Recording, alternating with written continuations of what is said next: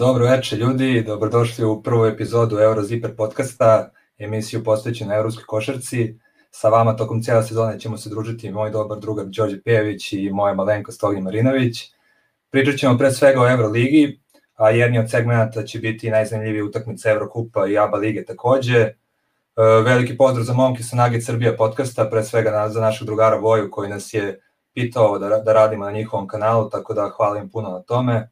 Što se nas tiče, mi su pre svega momci koji obožavaju košarku, generalno kad god se vidimo na nekom piću ili e, zajedno ogledamo neku utakmicu, siti se ispričamo o magičnoj igri pod obručima, tako da ćemo sad imati priliku da to da radimo zajedno sa vama, zato pišite na komentare, postavljajte pitanja, iznosite svoje mišljenja, mi ćemo se truditi da odgovorimo na što više tih pitanja i generalno prodiskutujemo ono što budete pisali.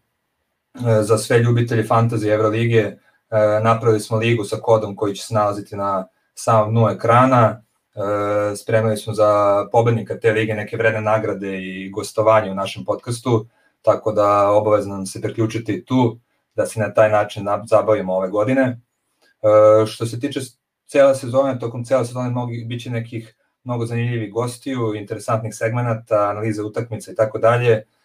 Za danas smo vam pripremili najavu rostera jedne polovine timova Evrolige, i najavu prvog kola ABA lige, a sledećeg ponedjeljka radimo najavu preostalih timova iz e, najelitnijeg evropskog takmičenja i analiziramo sam početak i prvo kolo Jadranske lige. To je to što se uvoda tiče, Peo, ako sam nešto zaboravio dodaj, a što se mene tiče, ako ne bude ništa toga, od toga možemo da polako krenemo sa ovim našim podcastom.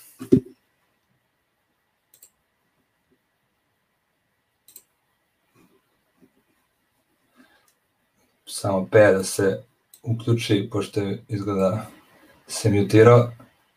E, da, izvinjam e, se. E, ništa, pozdrav sad, svima sad i sa moje strane. pozdrav svima i sa moje strane, što se meni tiče, sve si rekao, tako da možemo odmah da krenemo na analizu ekipa i rostera. Odlično, odlično, može. E, kako, smo, kako smo rekli, Beše, znači krećemo ono geografski od zapada ka istoku, je tako?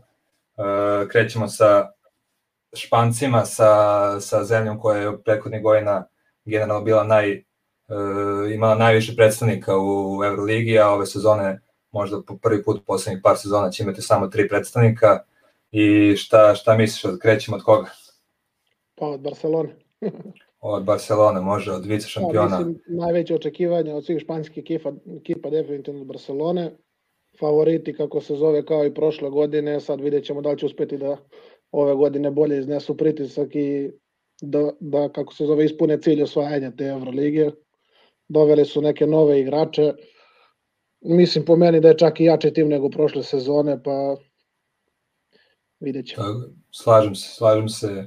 Prošle godine su došli do finala, e, imali su neke probleme s povredama na tom Final Fouru, e, ali generalno zaslužena titula Efesa, tako da vidjet ćemo kako će izgledati ove sezone generalno što, sam, što same ekipe tiče samog rostera, ono, generalno slična ekipa od prošle sezone, zadržali su uh, glavne igrače ekipe, tu su Mirotić, tu su Corey Higgins, Kalates, tako dalje. Možemo krenemo polako ono, sa, po pozicijama, ako se slažeš, uh, playmakera. Tu je ovaj naš, naš ljubimac, naš, naš ljubimac, naš, tako je. Rokas Jokobaitis koji je stigao iz ekipe Žalgirisa koji je ove godine izabran na NBA draftu. Pe, mi smo ga ono još od onog uh, svetskog prvenstva za juniore od 2019. uočili i od tada ga pratimo sa velikim uživanjem.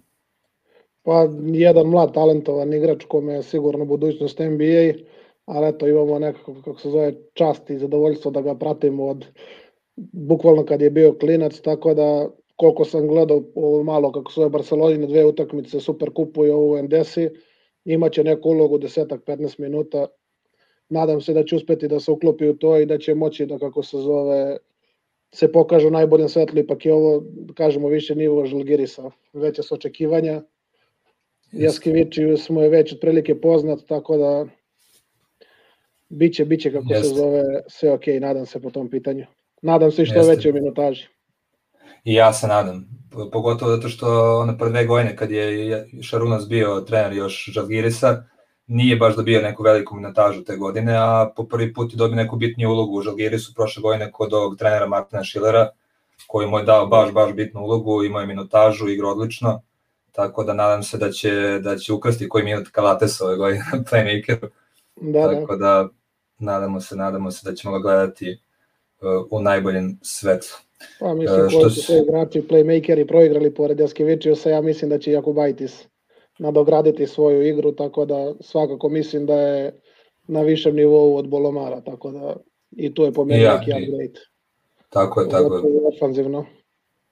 Ofanzivno pogotovo, mnogo bolji pregled igre, da uh, ima onaj, nekako podsjeća dosta na da Dimitrisa Dimantirisa po, po onim uh, potezima i samim konstituciji i stilu igre, ono kad baci onaj kad baci onaj pas iz skoka, pomisliš ga ga ovaj mani, sad će krene neka kontra da sevne, kad ono pas u korner, sam čovek šutira trojku, pogađa, stvarno, stvarno mali, mali stvarno razbije. Pa evo još Laprovitolo, nismo spomenuli ko je došao iz Reala. Jest. Tako da... Ne znam da se slažeš sa mnom, nekako mi Laprovitola e, mnogo efikasnije kad igra, kad igra beka, kad igra beka šutera, nekako, mnogo ga više voje da ga gledam kad igra na toj poziciji nego na playmaker. Definitivno, definitivno. To se slažemo. Ono kada, su, kada je u onoj poslednje njegove sezone u, u Juventudu je bio najbolji strelac e, prvenstva šutirao one dalekometne paljbe. Da, da, da, da. ono što, sa loga što, što bi rekli ovi iz NBA. Tako da video sam dobro ovaj, nešto sam obratio pažnju na ovoj njihovoj prvoj utakmici, tačnije gledao sam ih i na Super kupu u finalu protiv Reala, Provitola je više igra na, na kecu nego na, nego na dvojici, tako da mislim da će koristiti kao i Pablo Laso, Jasikevičius na, na poziciji organizatora.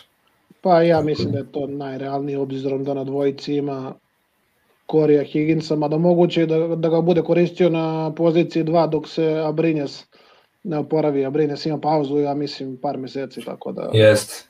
Povredio kolana, mislim da će morati neku operaciju, tako da ja mislim ono 3-4 nedelje će biti, će odsustovati, neće moći da igra, nažalost. Eto, eto, da.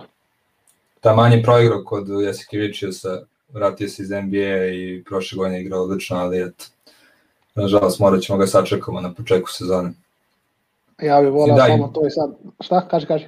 Reci, reci, reci, slobodno, izvini, ja sam... Ja rekao, volao bih, sad ja već malo brzam, idem dalje, volao bih da spomenemo Nigela Hayesa, koji u Žalgirisu, mislim da je to pojačanje baš po ukusu Jaskivičiusa.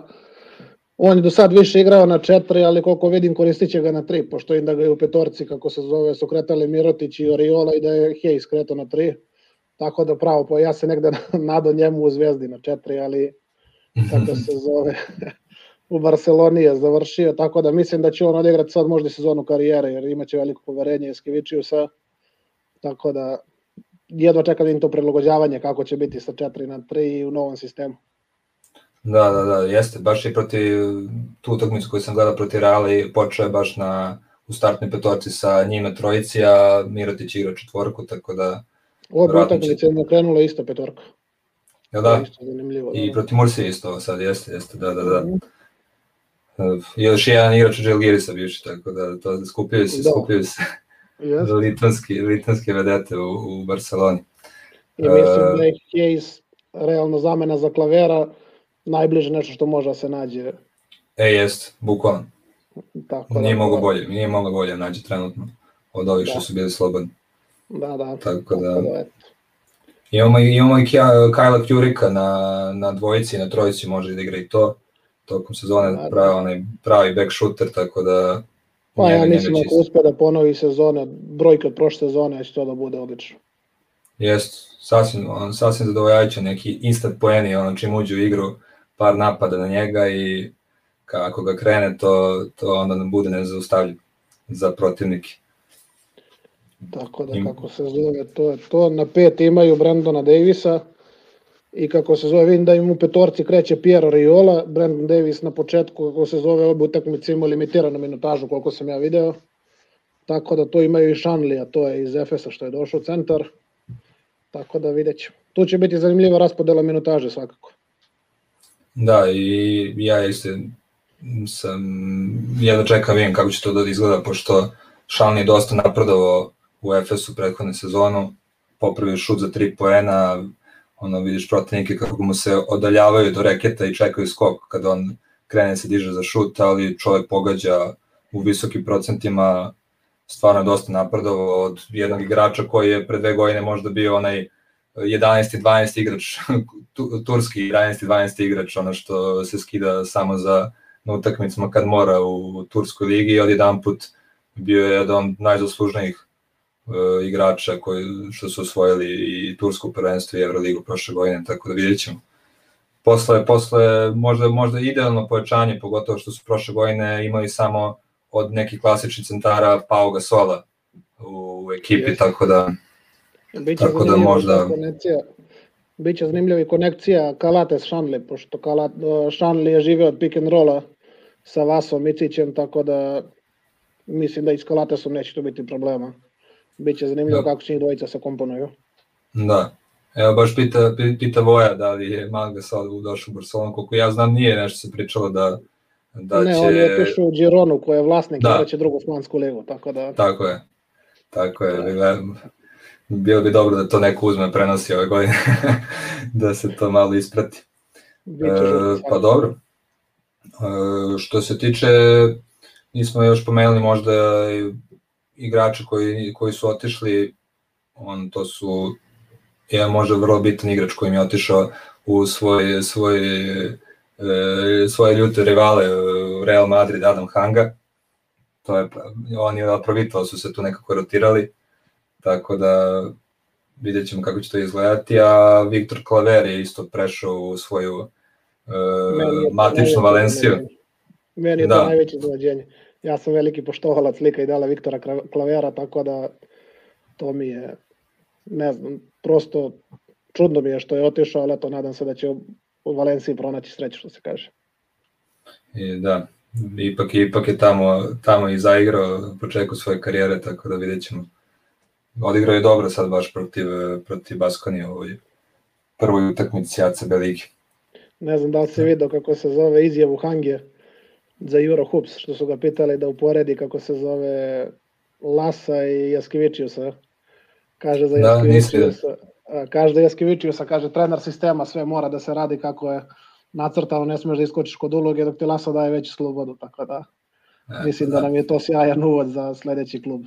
Tako je, tako je. Kraljevski klub, e, najtrofejniji evropski, evropski tim, 10 e, titula Evrolige, prošle godine su završili svoje takmičenje u Euroligi u četvrtfinalu, ali su realno skupo prodali kožu protiv budućeg tada šampiona Efesa, stvarno jedna uh, ekipa koja je u tom momentu bila uh, zaista pogođena sa nekim povredama, nisu im igrali dosta bitnih igrača u tom play-offu i baš, baš su dobro odigrali, jedva su, jedva su ih prošli ekipa Efesa, 3-2 pobedama je bilo, ne znam, ovaj, ne znam kako, kako, kako ste ti vidio tu play-off seriju prošle godine.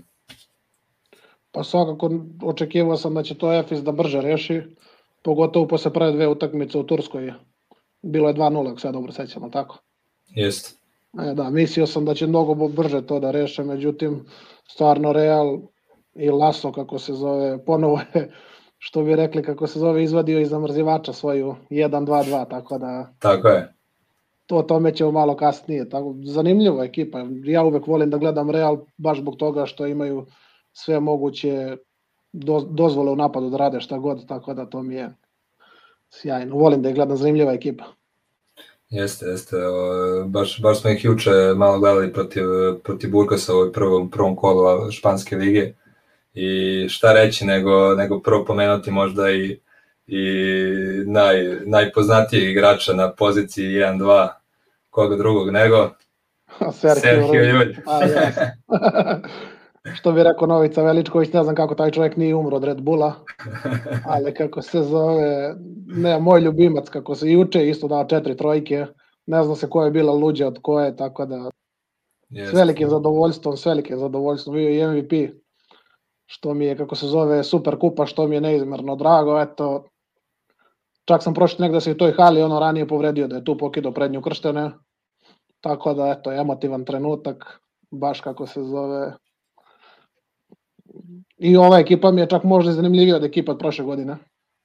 Da, i meni isto. Ozbiljno su se pojačali, ozbiljno su se pojačali, tako da Jeste. Biće jako došli zanimljivo. Su, došli su baš neki kvalitetni igrači, dobro sad e, napokon je stigao u klub e, posle dugomesečne sage prošle godine Tomas Artel sa Barcelonom, pa posle, pa su kad su ga ostavili u Istanbulu pred, pred avion, pred poletanje aviona, stvarno neverovatne scene i na kraju mora da odigra sezonu u Asfelu, da završi tu prošlu, godinu, prošlu, prošlu sezonu i na kraju eto ga napokon došao u, u ljute rivalu u Real Madrid. Tako da... Biće mi zanimljivo koju će on ulogu imati. Jer da. bar po ovim uvodnim utakmicama vidimo da je primarna opcija to Nigel Williams Goss, kako se zove, tako da tu još ima i Carlos Alosen.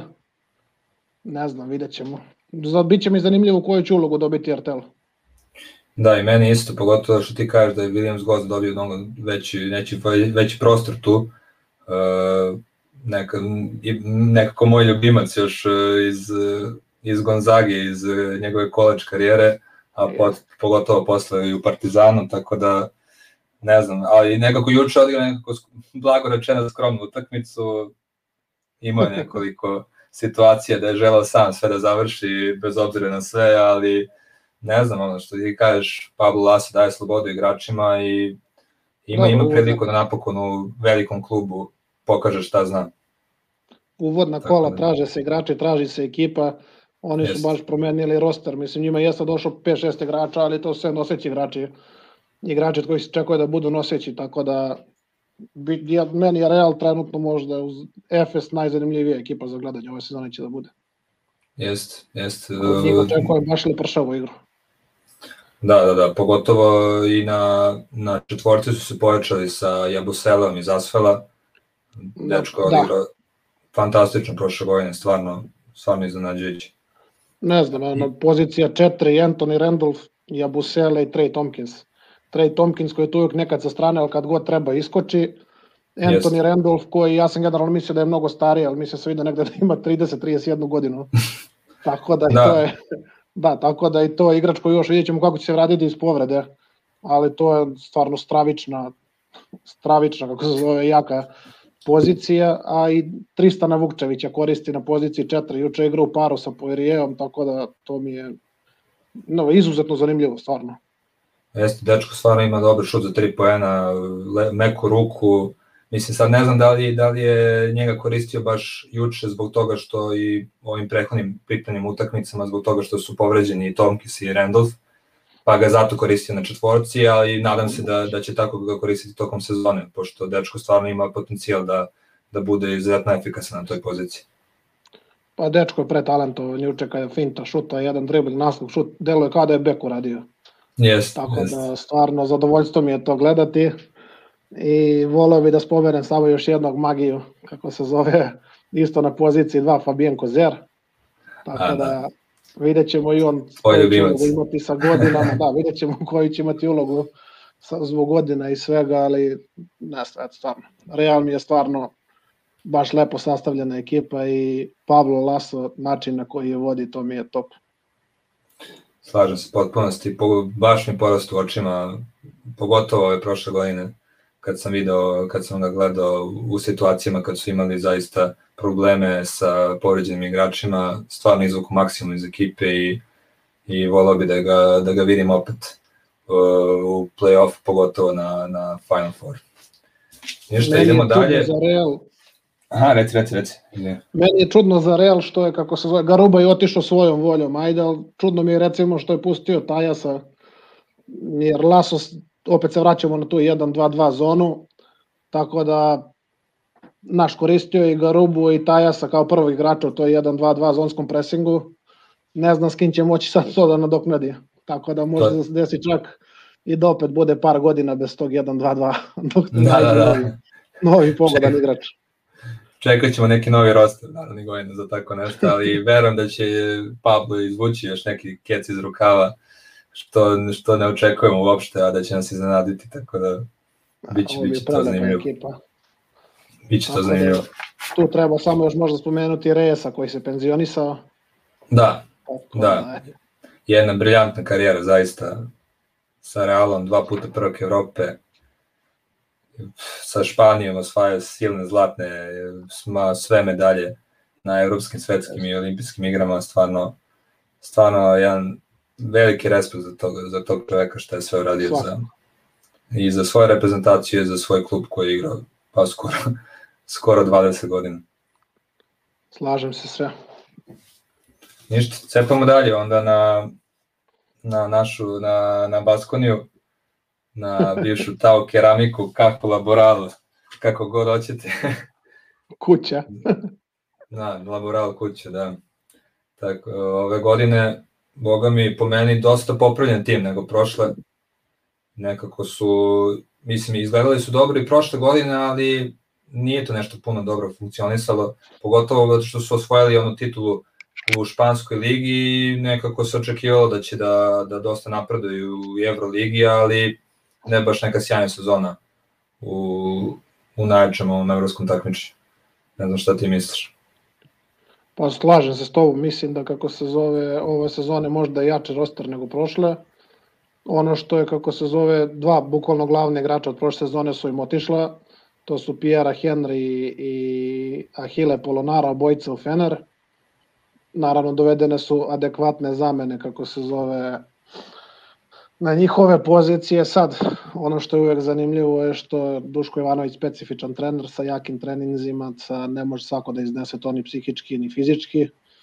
Dovedeni su igrači koji su po meni do sad pokazali da bi trebalo da mogu da se iznesu sa tim i bit će jedna ekipa koja je vrlo meni isto zanimljiva za gledanje, koja će možda čak i po igri podsjećati na neku zvezdu Radonjićevu, neće da bude mnogo odbrane i tranzicije, bukvalno će ono, prebijati protivnike. Jeste, stvarno, ima... stvarno ekipa sastavljena, baš ratnička ekipa. Jeste, imaju baš dosta igrača koji mogu da, pogotovo odbrani, preuzimaju na skoro na dve, tri pozicije, jedni, što se tiče i bekova samih, zaista jedni, zaista jedni sjajne atlete, od, počeši od ovog novog, novog igrača, bivšeg igrača Bajerna, Vejda Boldvina, sa svojim rasponom ruku, veliki potencijalom u odbrani, i još plus dolazi na, na tu stranu još i Jason Granger iz Albe, koji je možda idealan, idealna zamena za prošlogodišnji Pjera Henrya, pravi, pravi Duškov, Duškov igrač na poziciji playmakera, tako da vidjet ćemo možda, možda, možda stvarno bude, bude ove godine bolja, bolja Baskonija nego prethodne. Pa svaki igrač, ono što je zanimljivo, baš su značajno spojeći, ali što bi rekli ovi moderni treneri, size svaki igrač može da pokrije po poziciju iz, iznad i poziciju ispod, mislim. Wade Bolvin može sigurno pokrije dva, možda i pozicije tri u odbrani i u napadu. Tako da velike su i na play-evima, evo sad Bolvin i Granger, dva potpuno različita igrača, dva potpuno različita tipa igrača, tako da mislim da su dobili neku raznolikost koju ranije nisu imali. Naravno naš ljubimac Fontekija. Da. Tako da Landry Noko na pet. Da, Landry Noko na pet, stigo im i ovaj Steven Inok iz uh, Obradorija, njegova druga sezona u Evropi, vidjet ćemo kako će to da izgledati u Euroligi. A na, po, na centrima su im otišli baš i Yusufa Folk, otišao na pozemicu u Asfel i Tony Džakiri, vidjet ćemo kako će to izgledati potpuno promenjena centarska pozicija. Mm, nekako možda tu, tu nekako se ne vidi da će biti neki mnogo bolji kvalitet, ali možda zaista će biti, moći igrati mnogo brže nego prošle godine, mnogo brže, s obzirom da. na mnogo pokretnije centre ove godine što imaju. Tu je, tu je i, da, tu je i Giedraitis, jedan, jedan univerzalac, može da igra šta god, šta god trener kaže, šta god trener naradi da, da radi, stvarno E, mislim da će ga baš i koristiti ove godine na više na dvojici zbog Fonteke, koga će, mislim da, da uparkira u startu neku poziciju trojke ove godine. Mm, dečko mnogo napredovao, pogotovo, pogotovo naš Simone, koga smo mnogo zavolili prošle godine u Albi, a to nam se obilo u glavu nekako u ovim e, olimpijskim kvalifikacijama kad nas je potpuno razmontirao u Beogradu. Tako da ne znam, vidjet ćemo. Tu su, tu su prve, i... dve, prve dve utakmice mu je počeo Vanja, e sad ja isto mislim kad dođe jače utakmice da će Fontekija da uparkira u petorku. Tako je, Fontekija na 3, Gedajtis na, na 2 i na, ja na da playmakeru će menjati. Da. Tako da, A, ne znam, tu je na četvorci tvoj po znacima navoda miljenik Alec Peters. ali ja mislim da će ove godine... znam, znam. ali, ali ja mislim da će ove godine biti možda i glavni igrač ove ekipe, naravno uz, uz uh, Bolvina i i, i Giedreitis, ovaj, stvarno, stvarno dečko odigrao prošle godine fenomenalno. A dobro, to je čovjek koji zna svoju ulogu, zna se šta radi, iz toga ne izlazi i to je što se meni tiče sasvim okej. Okay. da.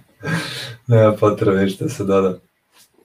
Ništa, šta, šta misliš? Samo da spomenemo, eto, i Vildozu koji je otišao u NBA. Da. Tako da... Vildoza NBA, Pierre Henry koji je prošle godine igrao fenomenalno, otišao u Fener kod Saše Đorđevića i to, to je, ne znam, ja, da, Ahile Polonara naravno koji je bio to jedan od glavnih igrača prošle godine i, on Zoran takođe u Fener. E da, Zoran Dragić mislim da i dalje nema klub, ja mislim da nije, nije produžio sa njim ugovora, ne znam, ne znam gde će, gde će dalje. Ne znam, stvarno, po meni je prošla sezona njegova bila skroz korektna. Yes. Ima neke utakmice na kojima se posebno isticao, tako da ne bi mu bilo prvi put da se vrati u Baskoniju, tako da... ne bi bio stvarno. U treći njegov mandat će biti, verovatno. Pa ja se nadam, mislim. Ne znam, to je pa samo moje nagađanje, stvarno nemam niku informaciju gde će dečko da nastavi s karijerom. A bit će to negde tamo u oktobru, krajem oktobra, Duško, Zoki, ajmo mi opet vamo. Dođi kod mene opet da se, da se družimo. Tako da, eto, što se mene tiče, možemo dalje. Cepamo dalje, a? Prelazimo a, granicu, onda ide preko Andore tamo. Ulazimo u Francusku. Malo da mora tamo u Kneževinu, u ekipu Monaka. Prošlogodišnji Eurocup šampion. Šta kažeš za ovogodišnju ekipu Zvezdan Mitrović? Zanimljiva ekipa, mislim, Zvezdan Mitrović, kao i sve njegove ekipe, dosta fizike, jaka, kako se zove, dosta fizike, jaka odbrana, tranzicija. Sada ima i Majka Jamesa da, koji ima izrazit individualni kvalitet. Tako da bit će zanimljivo svakako. Biće zanimljivo da. će biti kako će se ovaj Monciunas pokazati. To mi je enigma. On je kao važio za talenta, a taj talent zapravo nigde nije dokazao. Tako da mislim da mu je ovo šansa da pokaže koliko vredi šta može na četiri Will Thomas, mislim, proveren evroligaški igrač, tu nema, nema greške i Mike James, tako da... Evo ga, evo ga, Fiza kaže Dragić Zvezde.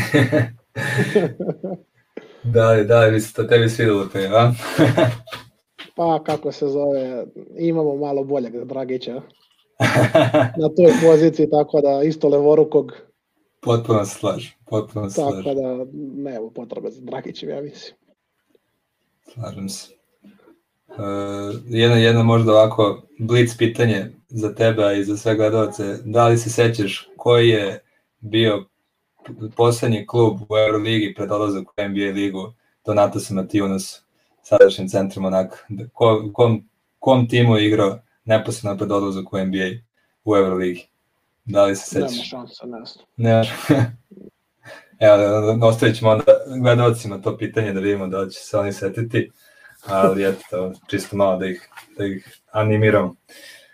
E, što se tiče Monaka, šta smo mogli još da kažemo, ništa, to došao i Danilo Andjušić i e, potpuno nekako promenjen sastav, možda samo dva, tri igrača od ove prošlogodišnje šampionske ekipe, ostavio Rob Greja koji je u finale prošle godine protiv Unixa u, u Evrokupu odigrao fenomenalno. Jednom prilikom je isticao Zvezda Mitrović da ga je u mnogobrojnim situacijama prošle godine je izvlačio i, i spasavao glavu svom treneru, tako da ne znam, ono, pogotovo sad kad dolazi Mike James, to će sigurno se ključive kola dati njemu, ali Rob Gray je Evo čekam da ga vidimo na evroligaškom nivou, mislim da, da ima kvalitet da, da se i tu pokaže u pravom svetu. Pa eto, možda od tih igrača koji nisu kao prve zvezde i glavni od njega je ovaj Alfa Diallo. da. njih dvojice možda eto, očekujem da se istaknu, mada opet se vraćamo na to Mike James i od, šta uradi uradio je, mislim. Ja pa to neko tako vidim, ne znam. I mislim da će on imati sad ubedljivo najbolju individualnu sezonu od svih u Euroligi, to je sad će tek imati potpuno slobodu da, da, da rešava iz svih pozicija. Možda bude u nekom trenutku malo i neprijatno za gledanje tako, tolika sloboda, ali preživjet ćemo. ne, navikli smo ovih godina u NBA, u Euroligi, kako je to izgledalo, ali eto, možda, se malo, možda je malo sazro u, u ekipi Brooklyna, gde je bilo mnogo takvih igrača, tako da možda je video kako to sa strane izgleda, pa će možda... Nadamo se da se nije družio sa Irvingom privatno. vidjet ćemo, vidjet ćemo.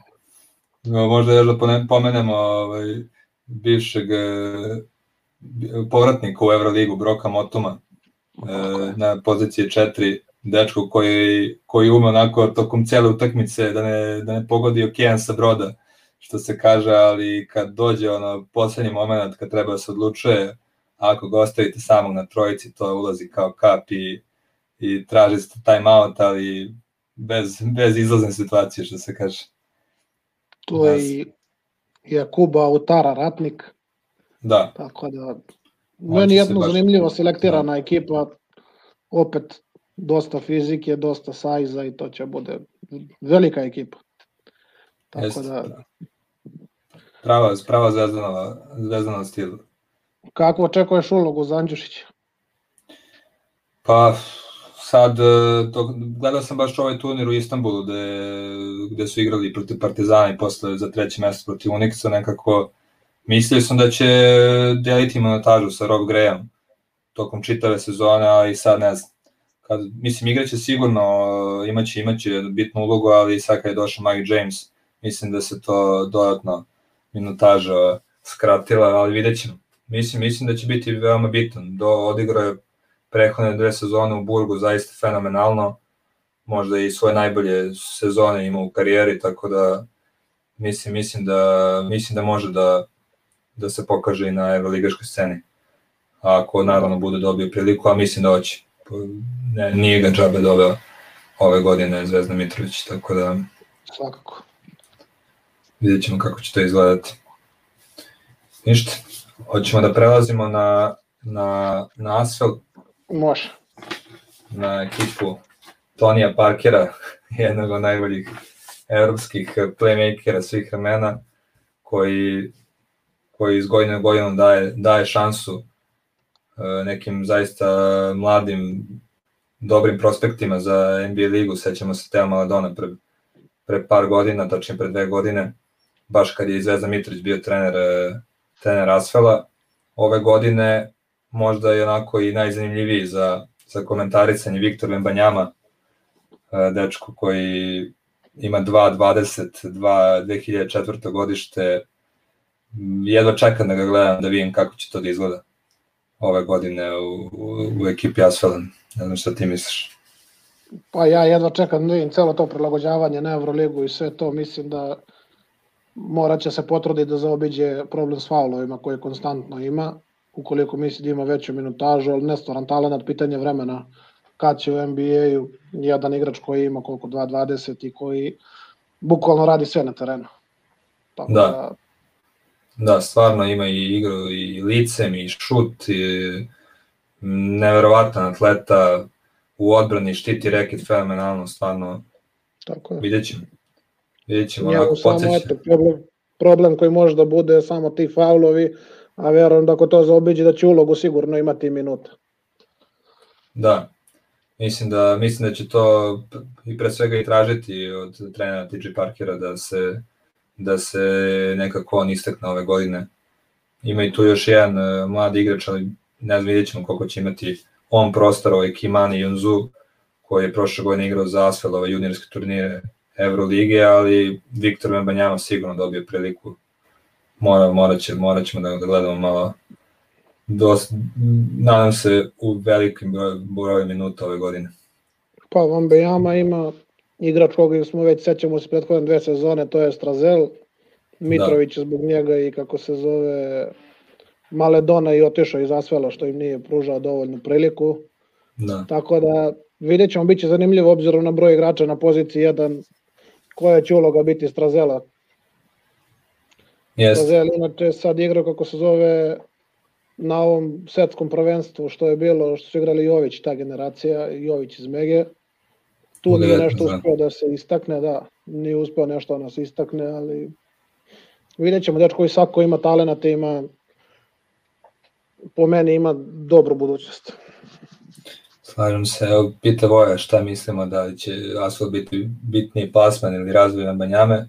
Ne znam, e, baš e, iz slučaja Zvezdana Mitrovića nekako to bilo poljuljeno te sezone, nekako kao daj šansu Maledonu, e, ali usput kao zašto si izgubio utakmicu i tako to nekim stvarima nisu bili neki jasni, makar taj, nije bila baš najbolja komunikacija između vlasnika i trenera te, go, te godine pogotovo, ali vidjet ćemo, vidjet ćemo već u startu šta će, kako će to izgledati, pogotovo što ako, ako bude da se davala šansa mladim igračima, ali mislim da ove godine baš ima neke prospekte koji, koji mogu to da iznesu i sa rezultatom, tako da vidjet ćemo. Te godine baš Mitrović ima problema s tim. U toj komunikaciji loše nije se znala šta tačno se traži od njega. Pa da. Pa mislim Mitrović u onoj ekipi stvarno, mislim da ni ekipa nije imala dovoljan kvalitet za nivo takmičenja, tako da... Slažem se. Ove godine mislim da svako imaju mnogo veći kvalitet i da su... Eto, možda treba pomenuti Jusufu Fola i Rajmara Morgana. Da. Na poziciji 5, Osetkovski. Tako da, zanimljiva e, da. ekipa, da. mislim.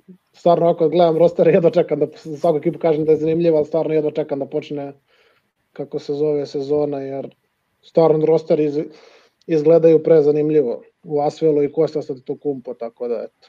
E, da, za ljubitelji NBA lige možda će to biti zanimljivo da, da ga vide i u evropskoj košarci. Ali meni, meni je, jedno čekam da ima ovog igrača na poziciji Keca, Elio Kobo.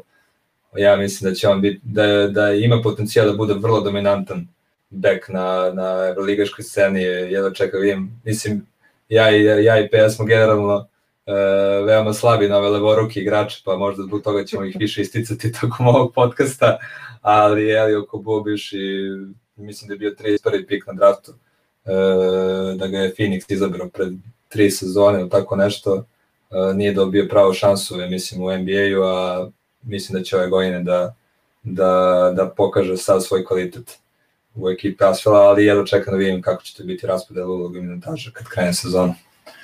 Pa, Tako da... Imaju veliki broj, kako se zove, igrača na toj poziciji 1 i sve više klubova vidim da ima baš dosta igrača na poziciji 1 i da često igraju u paru. Tako da iz te strane će biti jako zanimljivo prilagođavanje svih ekipa, da. tako da, sa posebnim zadovoljstvom sam te ostavio da Okobo predstaviš. morao sam, morao sam. to, to će biti moj ljubivac ove godine, samo da me ne razočara odmah na startu kad krene, kad, krenu, kad krene sezona, ali vidjet ću, jedno čekam da ga vidim.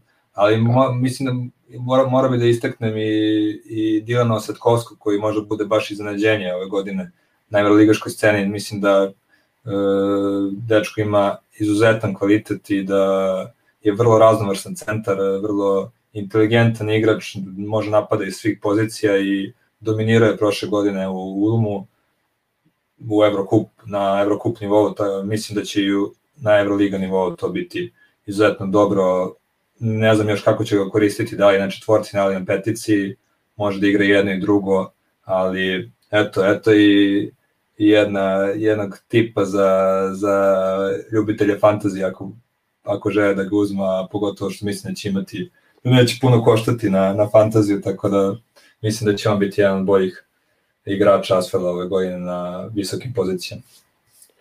Pa meni će ovo sad što je spomenuo biti jako zanimljivo ove sezone da ispratimo te prelaske iz Evrokupu u Evroligu individualne igrača.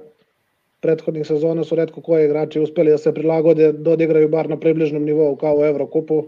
Tako da ovo će biti meni bar baš zanimljivo da ispratim individualno koliko će igrači iz Evrokupa uspeti da se priviknu na Euroligu, pogotovo oni koji je prvi put igraju. Tako je, tako je, ima jedno, dosta, dosta i Evrokupu tih evroligaških pojačanja, Evrokup ćemo malo kasnije da radimo, pošto počinje tek tamo 20. oktobra, kad je NBA liga to je taj neki nivo takmičenja, šta se, šalim se naravno šalim na stranu, e, to ćemo tek tada raditi, a, a danas ćemo samo e, Euroligu i ABA ligu, kao što smo već rekli. Tako da idemo dalje. E, šta, šta nam je sledeće na... Ovo je tvoj ljubimac. a, Bayern München, a? Pa naravno, ja sam veliki, veliki ljubitelj lika i dela Andre Trinkjerija, stvarno njegove ekipe božavam da gledam dugi niz godina, moderna košarka, brza, uh, ball handleri sa svih strana spoljnih pozicija, svi znaju da igraju pick and roll, uh, u tranziciji trče svi, igraju uh, u napadu neke zaista lepe, prelepe akcije, tako da ja, sam, ja, ja njega obožavam. Ove godine, tačnije prošle godine imao odličnu sezonu s Bayernom, možda iznenađujuću, došli su do četiri finala Euroligi ispali na jednu loptu, tačnije u majstorici od Milana, tako da vidjet ćemo ove godine. Otišli su im neki bitni igrači kao Wade Baldwin ove sezone. Pokušali su se pojačaju što više, što bolje moguće.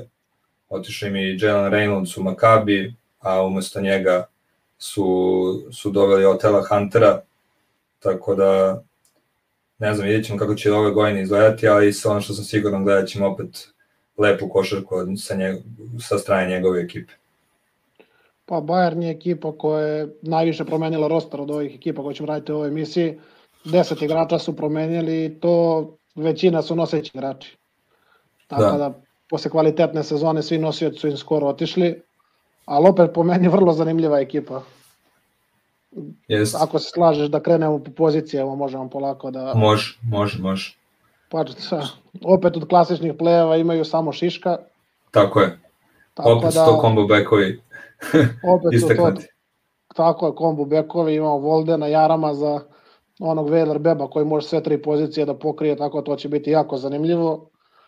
Mislim, i od Voldena i od Jarama zajde poznati su naši publici, zna se šta može da se očekuje.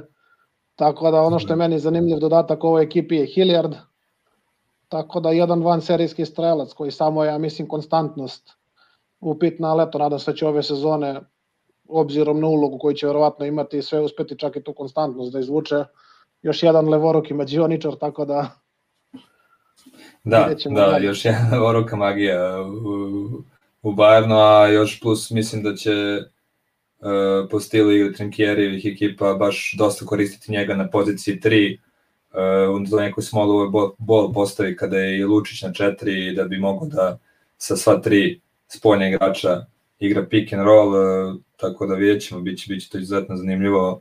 Uh, u Telo Hunter stvarno iako je i dosta i mator i, i mislim mator ima 35 godina, ali e, prošle godine po meni zaista iznenađao odigrao iznađajući odigrao vrhunsku sezonu u Makabiju mislim da može dalje da prenese e,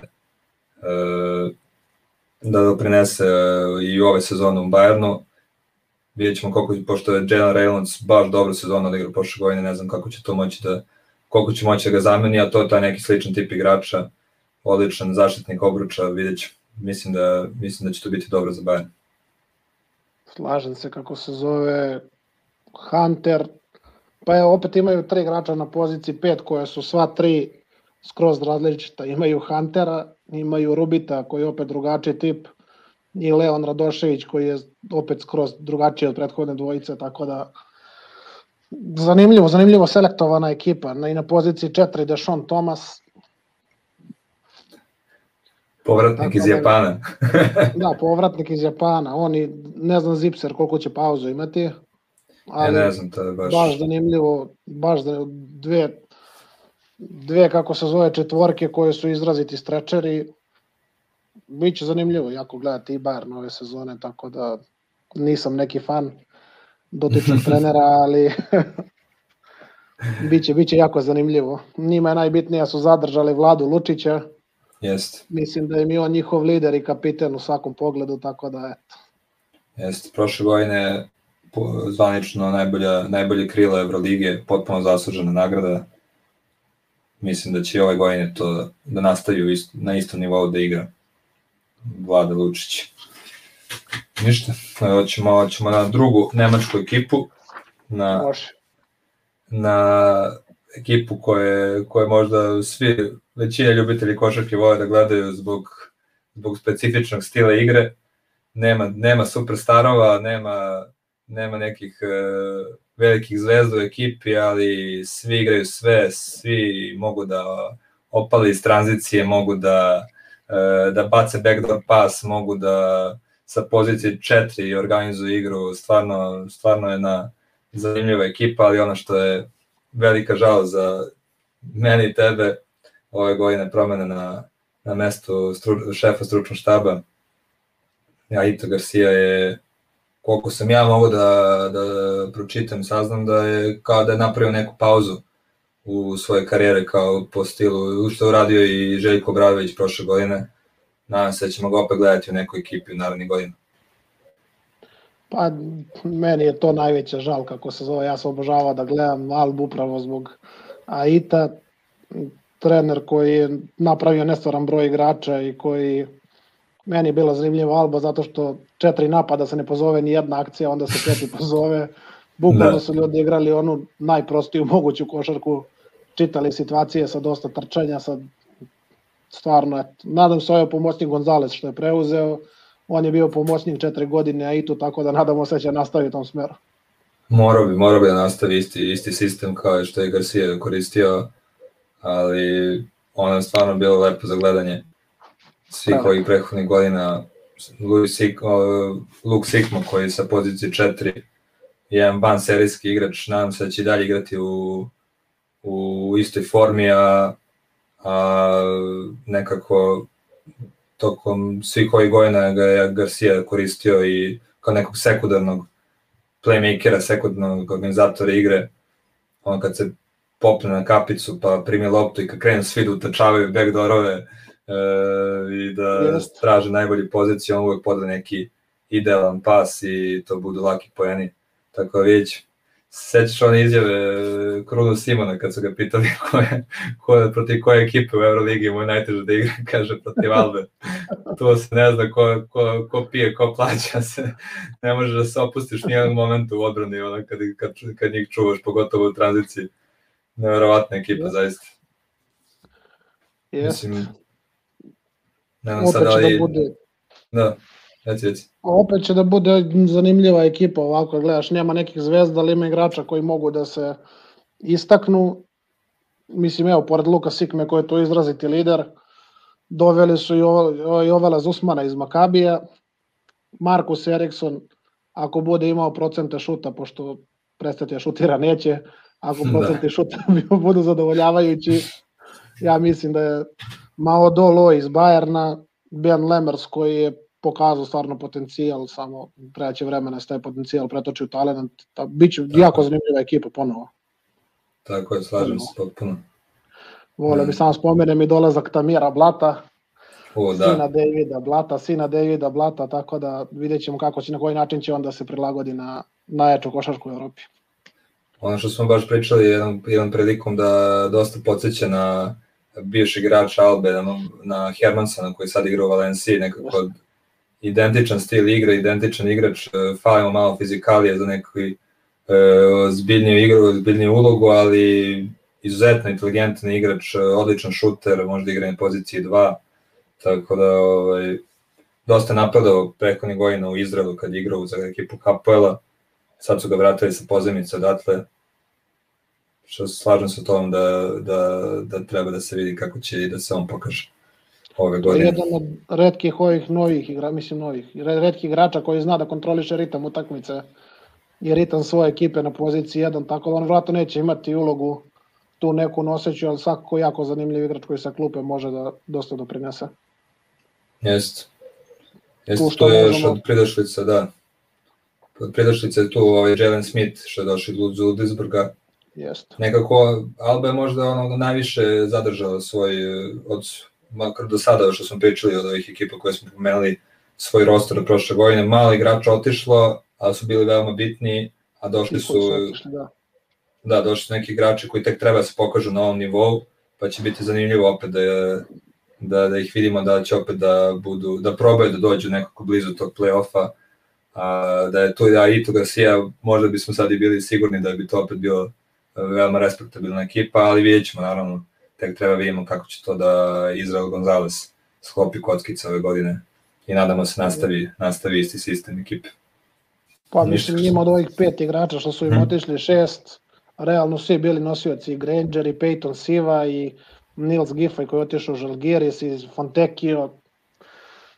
I eto, Tako zanimljiv je recimo i broj igrača koje Alba izbacila, koja i to opet izbacio u prethodnih par sezona. E, Gedraitis, opet kako se zove Fontekio, koji će kroz par godina po meni možda biti najbolja trojka u Evropi kad Lučić odluči da više neće se baviti.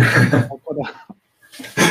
Pa kao da smo nekad pričali da, da identičan konstitucija, telo i stil igre ima kao, mislim, do, stil igre koliko toliko, ali nekako mnogo podsjeća na Lučića kada ga vidite na, na terenu iz daleka, nekad, se, nekad ga i pomešam sa, sa, sa Vladimirom. Jest. Ništa, hoćemo na, u grad mode. može, može. U naj, možda naj, najpopularnije mesto za igranje u Euroligi. Milana, Armani. To sam više puta spomenuo, ali neko da mi da kaže, evo biraju koju ćeš ekipu, Armani ili Valencija.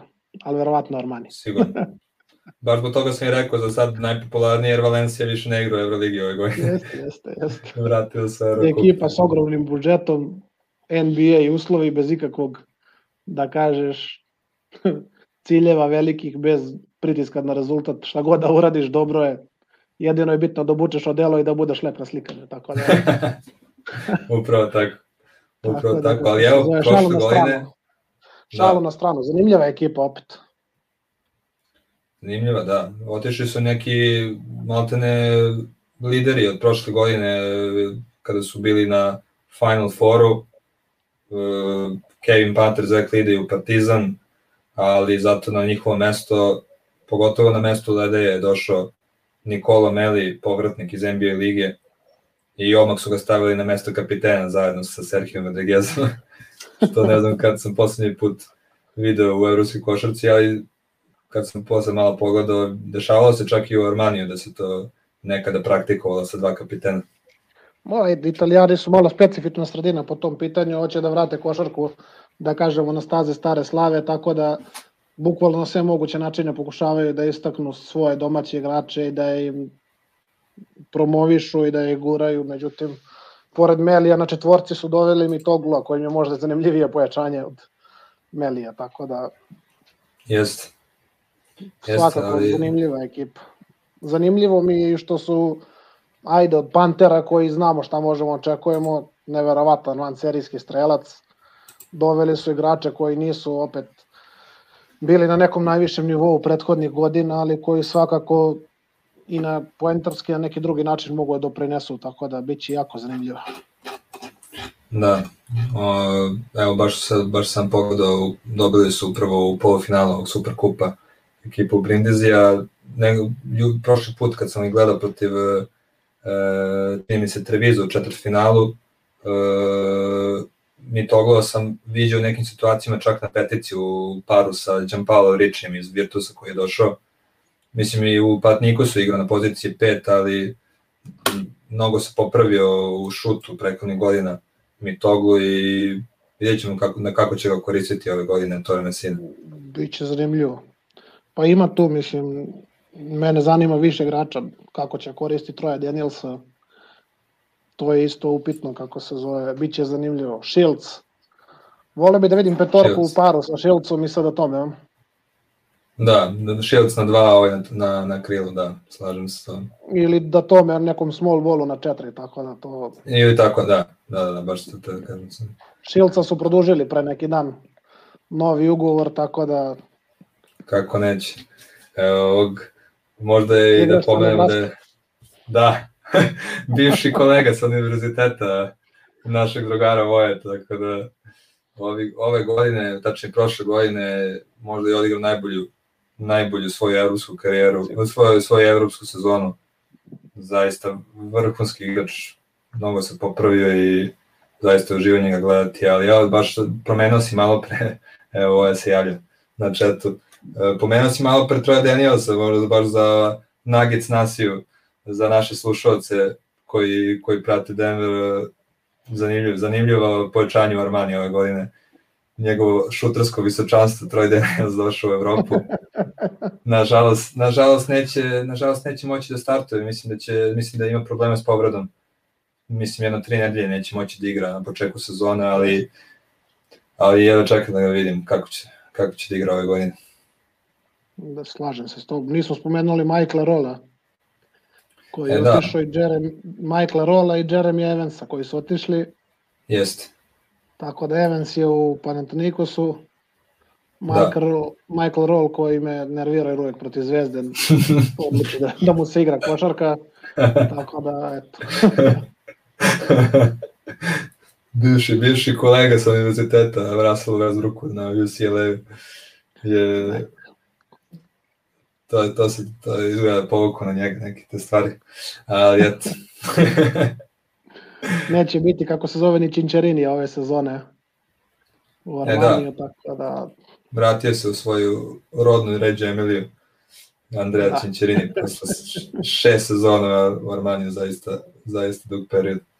Ali šta je to, šta je, da smo možda još nekog, da, e, dobro, da, idemo reti, prošle godine nije dobio neke minute kod Etora Messine, a mnogo su se borili za njega i Virtus i Armani ono prošlo leto.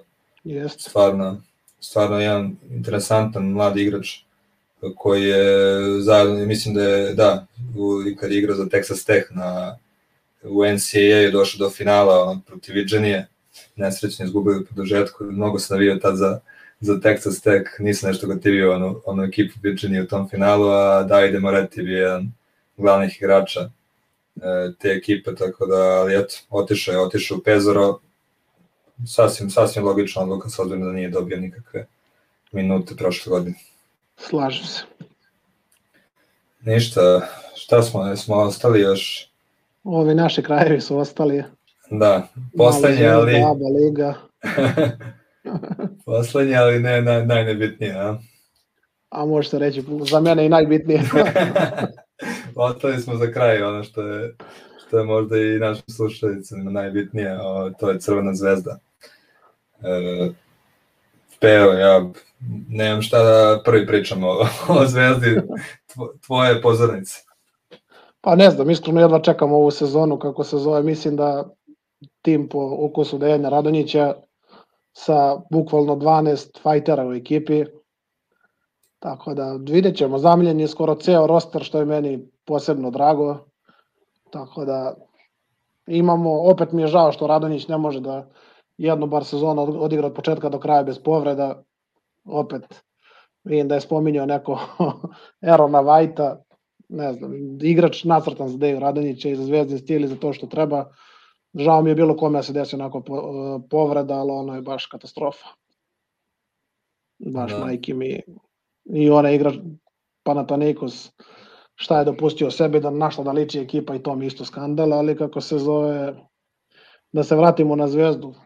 Zanimljiva ekipa, biće kako se zove dosta trčanja odbrane, prepoznatljivog stila koji je Radonjić kako se zove u prethodnim godinama već pokazao i forsirao. Zamenjen je skoro ceo roster. Da kažemo, sve su neki povratnici ili igrači koji su manje više poznati, tako da hoćeš da krenemo po pozicijama ili... Može, može, može. Pa eto, na pleju imamo Voltersa Ivanovića, Volters koji tu je negde između Evrolige i Evrokupa svake godine, tako da evo imaće priliku da dobije ozbiljnu ulogu prvog playmakera, vidjet ćemo da li će uspjeti i kako da se pokaže. Ivanović želje većine navijača Zvezde prethodnih od kad igra dečko u budućnosti. Tako da od njega očekujemo ovaj dečko koji za, zatvara bitne utakmice, pojavljuje se u bitnim momentima, sarađivo i u budućnosti sa Dejem, tako da zna sistem, zna sve. Neće tu biti potrebno neko previkavanje, tako da vidjet ćemo kako će, kako se zove, opet igrao je Euroligu jednu sezonu, vidjet ćemo kako će uspeti da iznese košarku na opet tom visokom nivou. Treći play Aleksa Uskoković. Vidjet ćemo da. kako se koliko će uopšte, koliko će ulogu imati dečko. Iako je prošle godine u kupu i ono je KLS-u pokazao da može da iznese neke minute. Na dva Austin Hollins i Ognjen Dobrić. Hollins je moja, ti znaš od prošle sezone, Da, da. želja da ga vidim u crvenoj zvezdi. Jeste, Bukvalno to bi bio prvi pik ovo leto da, koji bi voleo da dođe u zvezdu. Igrač koji se ne štedi, vrhunska odbrana, u napadu ono što može isporučit će. Tako da očekujem, stvarno dosta očekujem od njega. Što se tiče Dobrića, mislim tu definitivno omiljeni moj tvoj igrač. Da, slažem da se. tu nema šta, se očekujem da će dobiti mnogo veću ulogu nego prošle sezone. E, Mora. pre svega ofanzivno, tako da stvarno očekujem da ovo bude odskočna daska. Pripremni period je preskočio zbog problema sa povredom posle reprezentacije i sve. Nadam se da će brzo da sanira i da ćemo ga gledati ubrzo na terenu. Ja sam zaista nadam. Tome, Na tri- da- Kaži, kaži. Ne, ne, slobodno da nastavi. Na tri imamo Kalinića, pa uz Lučića možda i jednu od najboljih trojka u Evropi. On je dečko čist primer šta znači rad sa Željkom Obradovićem, mislim. Od Tako igrača je. koji je otišao iz Zvezde i sad koji se vratio, to su dva različita igrača, mislim. Da se ne ponavljamo, ali dečko koji puni sve statističke kolone, koga ima u svakom delu terena, pritom ne štedi se jedne sekunde, stvarno, ne znam, možda, ne možda, nego sigurno najveće pojačanje, kako se zove, koje je Zvezda mogla dovede. Davidovac i Lazić, o njima je sve rečeno. Lazić koji u odbrani imaće, nadam se, ove godine i verujem kako se zove, bukvalno ulogu koju treba da odigra odbranu i da će oškari, tako da u radoljenom sistemu nadam se da će ponoviti procente iz one sezone 2016-17, ja mislim, kad imam preko 40% za 3. Tako da Davidovac all around na pripremama igra od 1 do 4, gde god je trebalo pojavljivao se. Tako da vidjet ćemo kako se zove šta i koja uloga će tu da bude. Na četiri imamo Arona Vajta, Mitrovića i Stefana Lazarevića. Pa mislim, za Arona Vajta stvarno ne, ne znam šta da kažem. Baš mi je žao, baš je otpad. Igrač koji je, ne znam, daje uvek sve od sebe, koji je veliki ratnik, koji je ono što treba Radonji, uloga, ne znam, stvar- stvarno greota, baš ne, ne mogu pričati o tome. Druga četvorka Luka Mitrović, dečko koji je pokazao se vraća na zavida i na visok nivo, samo da ga zaobiđu povrede, ja u njega stvarno ne sumnjam. Mislim. Kvalitet koji on ima sa pozicije 4, razumevanje i pregled igre su van serijski. Nadam se kako se zove, u pripremnim utakmicama je bio korišćen i na poziciji 5. Sad vidjet ćemo kako će to ići kroz sezonu, samo kaže, eto, nadam se obra- povrede da ga zaobiđu i ja u njega ne sumnjam. Što se tiče Stefana Lazarevića, nisam ja siguran da će bilo kome u ovoj ekipi biti lako da dobije minute pored njega. Siguran sam, da, siguran sam da će on ove sezone imati neku ulogu, kako se zove, jedva čekam to da vidim. To je igrač koji, ne znam, imao je pro- problema takođe sa povredom prethodnih sezona, ali svakako veliki borac i imaće ove sezone, bar ja očekujem, sigurnu ulogu, a pogotovo do Karan White se ne, ne vrati na teren. I sad možda i dolazimo do najslabije tačke u Zvezdi, to je pozicija 5. Da, Tu se glavna opcija još uvek čeka koliko sam video izjave Deja Radonjić i koliko ja imam neke informacije. A što se tiče Kuzmića i Cirbesa, mislim znamo ih. Kuzmić je očigledno posle uspeo da se vrati bar na defanzivnom nivou. Nadam se da će ove sezone i u napadu uspeti da to podigne na malo veći nivo. Bar kako se zove što se tiče čvrstine i pogađanja onih zicera koje je prošle sezone mašio, a što se tiče Cirbesa, pa eto, do, do nove godine, obzirom da zna sistem i sve, vidjet ćemo mogu, možda očekujem kako se zove, sigurno će imati neku ulogu do dovođenja prvog centra, šta od njega da očekujem posle sezona u Arapskim Emiratima, nisam siguran. jeste. Od Dejana Radonjića, tačnije od one sezone, od kad je otišao iz Zvezde, to je iz godinu u godinu sve opada što se tiče kvaliteta igra, Jeste. igranja. Nas, zanimljivo je stvarno što su ga potpisali sad. Čak ofanzivno ne deluje loše, ja sam gledao je pripremnu utakmice, to je sve super. Ali on u odbrani, nikad on nije bio sad neka švancerijski odbranbeni igrač, znaš. Ali ovo šta radi u odbrani mi je baš gore čak i od one sezone po Tomićem, mislim. Ne Da. eto. Valjda će se popraviti fizičku spremu i smanjiti masnoću organizmu i moći da se pokrene, da odigra, bar nešto da prinese. Da. On, ono što, što mi je baš zanimljivo je što je Zvezda odnosno na prošlu godinu baš dosta promenila roster u smislu dosta igrača otišlo, dosta igrača došlo, a nekako se čini kad pogledaš ekipu kao da je to ekipa koja već prošlih 4-5 godina igra zajedno non stop. Znači, ono što, se, što, se, što, se, što smo viđali po internetu prethodnih dana, e, da scouting služba Crvene zvezde ona knjiga bivših igrača. to je ovaj, bukvalno se to, to desilo i nekako to mi se najviše sviđa kod ove ekipe Crvene zvezde ove godine što e, im je većina nosioca ekipe su srpski igrači, domaći igrači, pre svega što se ti rekao pravi ratnici na parketu i to će biti veliki plus za Zvezdu ove godine i velika prednost odnosno druge ekipe. E, znaju, znaju, svaki, svaki nosioc zna koja je njegova uloga, zna šta treba da radi i kako se i osvajaju troveji u poslednjih neko, nekoliko godina, tako da to je, to je mislim, najveća, najveća prednost Zvezde što se tiče timske igre ove, ove sezone. To je ideja, rekao na medija deju Evrolige, kad su ga pitali najveća snaga Zvezda, rekao je tim, kolektiv, tako da... E. Kako ono beše, onaj engleski, engleski njegov citat, to ti znaš. nećemo, nećemo.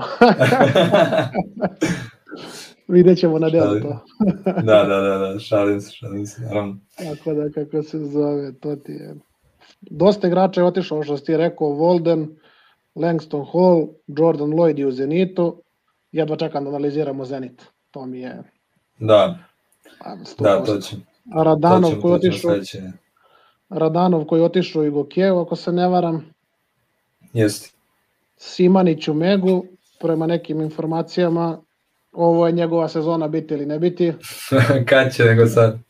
pa mislim, imaće ozbiljnu ulogu, tako da vidjet ćemo. Do Prit je otišao u Australiju, ako se ne varam, i Noko u Baskoniju. Tako je. Na šta samo nismo pomenuli? Šta? Ja sad malo vraćam nazad, ali sad mi palo na pamet DJ Silija, koji je otišao iz da. u budućnost, tako da... U, da. Da, da, da. da. Zaboravili. Kiks. Jest. Kiks, ali pomenut ćemo ga evo, možda već u narednih par minuta kad krenemo o ABA ligi i najavu prvog kola Jadranske košarke. Što se mene tiče, možemo. Možemo odmah.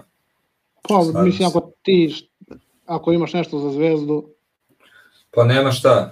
Šta smo... Šta očekuješ u Euroligi? E, pa baš ovo kao što sam malo pre rekao, baš ove godine Dejan Radonjić počinje sa, od početka sezone sa ekipom, napravio je tim kako on želi, kako, kako je, su i njegov stil košarke i on kako on želi da to izgleda, tako da mislim da će, da će to biti mnogo, mnogo bolje nego prošle godine. Sa Kalinićem, s kojim se popuno slažem sa tobom, jedan od najboljih igrača na poziciji 3, najbitnijih igrača u Evropi sa pozicije 3, o jednom prilikom sam sam rekao da kad bi mi dali neki neograničeni budžet e, i da sam trener neke evroligaške ekipe, mislim da mi u prvih pet igrača e, koji bih izabrao, a možda i manje od toga, u njima, među njima bi sigurno bio Nikola Kalinić, to je bez, bez ikakvog razmišljenja, dečko radi sve za ekipu, znači uvek, uvek traži do poslednjeg momenta način za pobedu i i kad igra i kad je ekipa igra loše, kad igra dobro, on je uvek igra na istom nivou, tako da mislim da sa ovom ekipom ove godine će to biti dosta, dosta bolje nego prošle i ko zna, može, može se taj playoff napokon napadne sa ovim novim sistemom Evrolige kad su počeli da igraju e, s ligaškim sistemom kad su počeli da igraju svako sa svakim. Tako da, eto, to je neko, to je, to je neko moje viđenje i predikcije za ovu sezonu. Slažem se s tobom, hoćemo polako na ABA ligu. Može, može. Tamo smo napravili prelaz Euroliga, ABA liga, tako da hoćeš da pomeneš format. E da, ništa, ove godine kao i, kao, kao i prošle 14 ekipa, e, prehodne godine su sa 12 na 14 povećali zbog one prekinute COVID sezone, ali ove godine su odlučili da ostave tih 14 i ono što je zanimljivo što je prethodnih dana osvanula vest da su promenili i način, e, tačni sistem play-offa, neće biti kao i prethodnih godina ustaljen onaj sa četiri ekipe da idu dalje, nego će da ubace i da popune to sa šest ekipa, s tim što će prve dve e, najbolje ekipe o, direkt, ići direktno u, četvrt, u polufinale, a ekipa od trećeg do šestog mesta će razigravati za to polufinale, isto će se igrati na dve pobede. To je izuzetno interesantna, interesantna novina ove godine. E, ne znam, nekako jedino što mi je to nekako logično, ono što su to uradili je da e, ove godine stvarno nije, to je već prolazi neka floskula svih ovih prethodnih godina, e, ove godine je ABA liga najjača, nego od svog osnivanja ove ili ABA liga najjača, a ove, ove godine je stvarno tako, mislim, s obzirom na, na povećanje tokom leta, to je stvarno, stvarno tako, mislim da je jedno ubeljivo najjačih, odnosno na nekoliko godina nazad, i mislim da su zbog toga nekog videli šansu više ekipa da mogu da se bore za playoff, pa da im nekako daju šansu da se, da se kroz, ta, kroz to neko četvrt finale domognu play-offa, znači, a stvarno mislim da ima jedno 5-6 ekipa koji su, koji su pretendenti za e, završnicu ABA lige, tako da to neka novina, ono su na prethodne godine, ne samo prošle. Ne znam šta ti misliš o tome. Pa bit će svako zanimljivije što će veći broj ekipa biti uključen u sam play-off i neće se aj, ono, sezona završavati u, u martu, tako da kraje marta, tako da bit svako zanimljivije što se toga tiče. E sad, ubacivati dodatni broj utakmica na sve ovo, vidjet ćemo kako se zove, ali duše opet play-off i borba za polufinale, ne može da bude loš tempo i loš intenzitet, tako da bit će svakako zanimljivo. Slažem se. Slažem se, neki... Utakmice, a? Može, može. Si Ajde, našao tamo. Da našao sam, kažeš šta da kažeš? Ma, mislim sam, da kažem čisto da krenemo ovim uh, po ekipama nekako povećanje, o povećanjima tokom ovog leta i to, ali možemo da krenemo tamo po utakmicama pa ćemo pričamo o ekipama. Pa može uporedno to kako se zove. Može, može naravno. Pa prvo uh, ono što otvara kako se zove Cibona Mornar. Pobjede. Tako je. Jedva e, čekam je... kako se zove, jedva čekam tu utakmicu Cibona koja ima stvarno dosta talenata. Ove sezone očekujemo od Roka Prkačina stvarno mnogo. Bili su bukvalno svi vodeći ekip, ekipe ABA lige zainteresovane za njega. Odlučio je da ostane u Ciboni, tako da biće jako zanimljiv rasplet. Doveli su bivše igrača Partizana Gegića, doveli su centra Antonija Vrankovića iz Splita, ako se ne varam. Tako, da zanimljiva ekipa, nema Lovro Gnjidić isto. Lovro Gnjidić, stvarno vrhunski talent, evo, baš i Ratko sad na četu pita da li vidimo Cibona u top 6 ili možda i više. E, ono što sam siguran na to je da, će, da ću sigurno mnogo više gledati Cibona nego prethodnih godina kad god budem imao tu priliku, jer e, ono što sam video, pogotovo na ovom turniru u Opatiji, što je bio na pre nekih dve, tri nedelje, e, gde su bukvalno dominantno osvojili ono, u onom finalu protiv Pezara, pre toga i pobedu protiv Partizana, znači zetno talentovan tim, e, brzo se igra, moderna košarka, Vlada Ivanović je to makar na ovom početku priprema zaista lepo pripremio. E, Lovor Gnjidić me izuzetno oduševio, dečko vrhunskih e, fizičkih predispozicija, strašan talent, njega je Mornar baš protiv koga sad trebaju da igraju ove godine.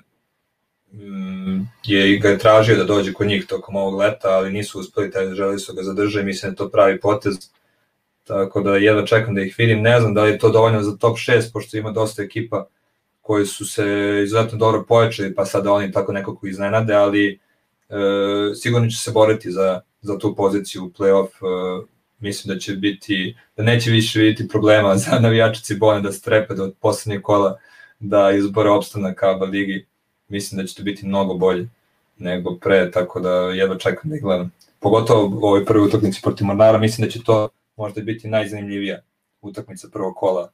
Ne znam da, ne, ne znam da li mogu kažem da je derbi, ali mislim da će biti najneizvesnije. Najjednačenija, da, da. Da. Novi koncept Mornara. E, da.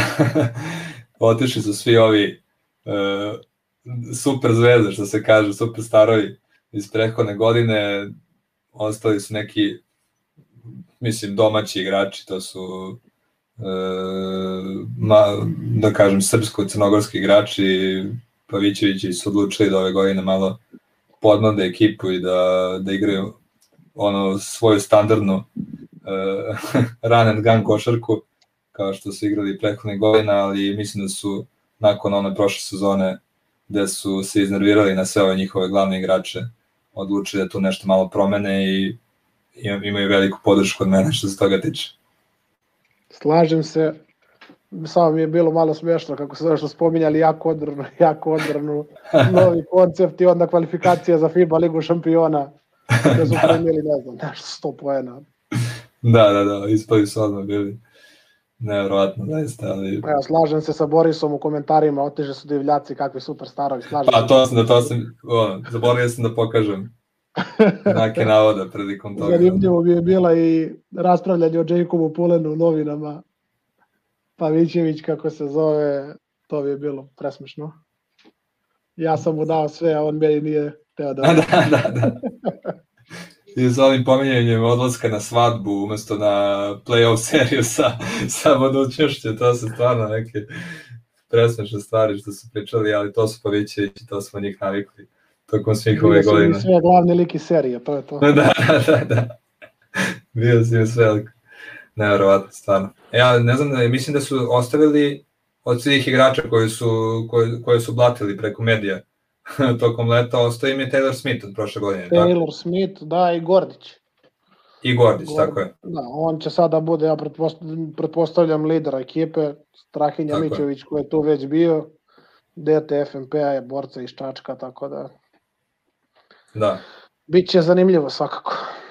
Tako je, slažem se, otišao je Uroš Luković u Zadar, e, nekako jest. duša te ekipe, ali prošle godine je uopšte ne igrao uh, puno, ali to je jedan mnogo dobar momak, strašna glava, tako da želimo uh, dobru sezonu u ekipi Zadar, pridružio se tamo Bursaću od srpskih igrača u Zadru. Tako je, hoćemo sledeću tekmu, a Zvezda Split. Može, ko je sledeći? Zvezdu, a Zvezdu nećemo, da, kako se zove, već da, smo prošli. Da. Tako da Split. Split. Split, uh, mislim da su otišli neki bitni igrači od prošle godine, ali došlo ono, Marko dalje Luković. tu. Da. Otišao Marko otišao. Luković. Kako? Jeste, jeste, jeste, otišao. Da. da. Marko Luković je otišao. Tu je ostao, kako se zove, okosnica on od prošle sezone, Roko Leni Ukić, Darko Bajo, Sani Čampara, tako da. da Toni Perković, on je bio, kako se zove, u reprezentaciji jedno vreme, bar u onim kvalifikacionim prozorima. Doveli su Karla Žganeca. E, to je izuzetno zanimljivo povećanje. On je igrao, on je igrao za CDV-tu ranije kad je CDVita bila konkurentna, kako se zove, za sam vrh ABA lige, i Nejca Barića. I da, Nejca Barić iz Krke stigo. Tako je. Pravi Jedna, timski igrač, playmaker. Da. Zanimljivo, mislim, vidjet ćemo dokle će koji će kvalitet tu moći, koliko će da će uspeti da se izbore i zašta, ali na papiru možda jača ekipa nego prošle godine. Da, ponavljaju se dosta, odnosno pre, a, pa što si ti pomenuo, Karlo Žganac je baš, baš zanimljivo povećanje. Nisam ga uspio da ga gledam prethodnih godina. Ne znam kako mi je sad, kako je sad formi, ali bit će to zanimljivo videti. Došli su neki uh, američki igrači, tako da ne znam sad, i nisu imali puno sreće za prvu utakmicu protiv Crvene zvezde, ali Zvezda je problema s povredama i baš je Radonić rekao da u tom prvom kolu bi bilo dobro da, da se rezultatski ne oseti e, što se tiče utakmice da, da, da samo nekako pobede, ali ne znam, mislim da su to zvezda favorita, ali vidjet ćemo kako će to izgledati u pioniru sledećeg vikenda. Pa, vidjet ćemo u petak. U petak, jel? Da, da. A, biće zanimljivo. Pa u petak u šest je, kako se zove, Mornar, u osam zvezda, ja mislim. Tako da, a subotni program otvara i Gokija Borac. Da, i Gokeja Borac. Omiljeni trener u oba ligi. Darko Bajić. Tako je. Ne znam se da više možeš da gledaš kako, im, kako mu ekipa igra ili one, ili one klipove na YouTube-u sa timeouta. malo jedno, malo drugo. malo jedno, malo drugo, da.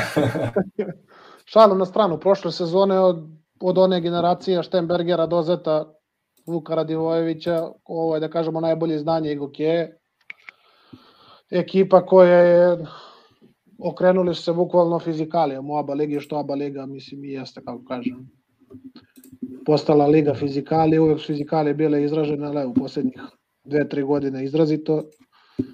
Tako da i pojačanje ove godine su im, koliko sam ja video, ispratio u skladu sa tim. Aleksa Radanov je prešao iz Zvezde, kako se zove, u Igokeju. Nikola Tanasković, bivši igrač Partizana i mladosti. Tako da, da iznenađenje mi je da je FNP pustio Stefana Đorđevića. Da, da, on im je stigao isto. To mi je izuzetno iznenađenje i vidjet ćemo kako se zove, kako će se prelagodi sad uz ove stare igrače Talića, onaj Vulić, Play, Dali Borilić koji je ostao. Ja sam negde čak mislio da će Dali Borilić možda i u Zvezdi da završi, međutim ništa toga ništa. Antavija Voler, vedeta Mornara. Da. Tako da, Stari Fundić koji je stalno tu borben, bit će zanimljivo kako se zove. I Ošilo je tu koji ako pro, ponovi procente od prošle sezone, opet potencijalno jedna zanimljiva ekipa. Slažem se s tobom, pogotovo e, što su prošle godine imali neverovatnu sezonu, ono, vrhunski rezultat, ulazak u play-off, odlična sezona za ekipu Dragana Bajića, ali eto, ove godine otišli su i možda i glavni igrač od prošle, Edin Antić otišao u budućnost, tako da vidjet ćemo ko će, ko će njega u toj liderskoj ulogi zameniti ove godine, ali stvarno mislim da će opet to biti dobra sezona i opet ih vidim. Ne znam da li u prvih četiri, ali sigurno u ovoj borbi no, nova nastale situaciji sa šest ekipa u play-offu vidim ih vidim da, da imaju mesto tu. Slažem se i da pomenemo samo povratnika. James Robinson. A da, James Robinson, da. Da, on je, kad je on beše, on je beše pre 4-5 godina igrao tu, jel? Nema šansa da se setim kad je tako, bilo. Tako nešto je bilo. James Nema Robinson, da, da. da A dobro, zanimljiv je i Mark, Marke Stark što je došao iz Автодора. On je prošle godine da. solidnu, solidnu sezonu tamo. Uh, on će, on će mislim biti, biti, biti jedan od bitnijih igrača, pogotovo na tim bekonskih pozicija. Znači, kako idemo dalje? Znači, što oni igraju se... Da, borac, borac. Borac, stvarno, mi je bilo mnogo drago što su prošle godine uspeli da izbora opstanak. Marko Marjanović radi sjajan posao sa, sa borcem. Uh, vrlo, vrlo mlad, perspektivan trener i sviđa mi se što, je, što su tu uglavnom neki domaći igrači, pogotovo od ove sezone doveli su Marka Pacarku na poziciji 4, e,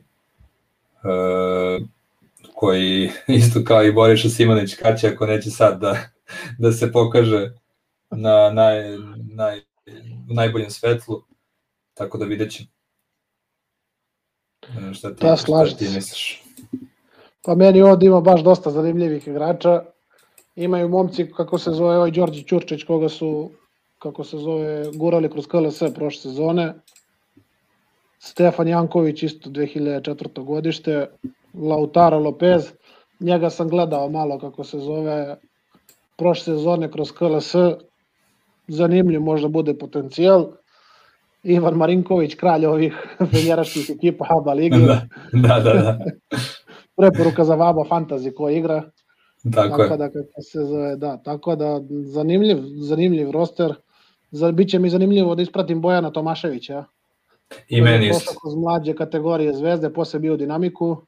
Yes. To će im biti zanimljivo da ispratim kako se zove njegov, njegov kako se zove napredak u ABA ligi. Tako da ostoje sa Nadze, on je tu od prošle godine, njega su doveli od tog prošle sezone. Novaković, Nemanja Todorović i Uroš Čarapić, to su sve poznati igrači koji su već bili, tako da jedna eto, jako zanimljiva ekipa potencijalno sa sjajnim mladim trenerom, biće baš zanimljivo. Slažem se. Baš da si pomenuo Bojan Tomašević, je to me baš i iznenadilo i oduševilo isto vreme kad sam video da je stigao dečko je, je bio predominantan u juniorskim u juniorskim u juniorskom timu Crvene zvezde. Bio je i MVP uh, juniorskog šampionata kada su osvojili titulu pre dve godine u finalu protiv Partizana, tad je igrao na nekim pozicijama 4-5, pa je u dinamiku kad je ušao, kad je krenuo da igra seniorsku košarku, se polako ispušta na poziciji 3 i ne znam, ja, ja čekam vidim kako će imati ulogu kod Marinovića. Uh, dečko posjeduje izuzetan potencijal, tako da vidjet ćemo što ti kažeš. Biće, biće zanimljivo ga videti kada, kada krene sezon. Svakako. Sledeće je slovenački slovenački duel Cedevita i Krk. Da. Cedevita, boga mi, ozbiljno se pojačala ove godine. Sa, da, da. sa gotovo je pokupila sve ove neke najbolje, najbolje igrače iz ABA lige, t, lidere ekipa, ne, ne svih naravno, ali Uh, tu je došao Jacob Pullen, došao je Jackie Carmichael iz Igokeja koji imaju strašnu sezonu prošle godine u Igokej, pa potom uh, tu je Melvin Edžam, vrhunski defanzivac iz budućnosti, koji, koji možda ono prošlu playoff seriju protiv Zvezda u finalu nije baš se puno Nesto. pokazao sa, da. Ali, ali i mislim da će to biti, biti veoma bitan igrač ove godine za Cedevita. Meni su što se tiče Cedevita ove sezone ima par onako zanimljivih stvari. Prilagođavanje i način na koji će bude korišćen Marko Radovanović na koji će golemac da ga koristi način da vidimo da li će Jacob Pullen, da li ostalo još malo magije u tim rukama, da. kako se zove. Da. I kako se zove, da, Ed Melvin Edgen koji nestane bukvalno u seriji protiv Zvezde. Da. I kako se zove Zek August. E, da, bravo. Igrač koji je bio u Euroligi. Tako da Jackie Carmichael, možda njega treba spomenuti što je prošle sezone igrao za Igokevu. Zanimljiva ekipa, nema, nema šta. Jackie Carmichael koji pokazao da može da preuzima sve živo u odbrani, izuzetno bio bitan Dragan Bajić prošle godine. Mislim da će imati tu neku veoma sličnu ulogu i ove godine mislim da će biti u paru baš sa Augustom iz Nikosa na poziciji centra. Tu je i legendarni Žiga Dimec za sve ljubitelje Jaba lige jedan od e, simpatičnijih igrača, evo, tu i dalje u CDViti i prošle godine je bio tamo, tako da vidjet ćemo ih ove godine, prošle godine su ispustili tu četvrtu poziciju u odnosu na Mornar pre sam kraj sezone, regularne sezone tačnije, tako da i tu su oni opet u top 6, mislim, ako naravno pon, ponove igre odnosu na prošlu godinu. Krka. Krka. Hoće, hoće uspjeti da se izbore za opstanak. E, da. ne znam, pravo ti kažem, njih, njih se možda najslabije ispratio što se tiče povećanja. E, da, ćemo dočekati nekako... jednu sezonu bez dvorane Leon Štukelj. fiskulturna sala, što se kaže. Fiskulturna dvorana, da. Pa ništa, pa oni su od ovih, kaj kažeš, zvučnih imena, sigurno Marko Arapović i Juri Macura. Da, dva da. najzvučnija da. pojačanja, uz da kažemo Roka Stipčevića i Lapornika koji su već bili tu. To je ono što da, sam ja uspio da ispratim, da budem iskren. Da, Juri Macura stvarno ono, prošle godine na početku je igrao za Primorsku i beležio neke sjajne brojke, ali zbog njihovih naravno finansijskih problema morao je da, da menja klub, došao u FNP, nije imao neku baš e, najbitniju ulogu, ali pokazuje izuzetan kvalitet sa pozicije centra i tačnije i sa pozicije 4. Može da širi igru, ima dobar šut, stvarno talentovan igrač sa 2.11 visine. Mislim da će on biti jedan bitnih igrača Krki uh, ove godine. Svakako. Tako da, ništa kako se zove Mega, E, mega mi se baš sviđa ove godine s obzirom da, da su im otišli glavni, glavne vedete od prošle.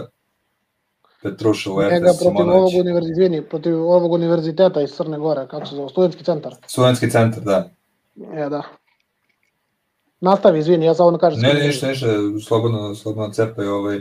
Jedno što sam teo kažem da su, e, mislim da su se, ako su mogli nađu neke zamene za prethodnu godinu, e, mislim, od prošle sezone kad su im otišli Petruša i Simonović, mislim da su ovaj Balčerovski, koji je proglašen za najboljeg mladog igrača Evrokupa, izuzetno, izuzetno dobro povećanje. Čuo sam na osnovu nekih informacija i a i tog mojih pripremnih utakmica da se nije još najbolje snašao.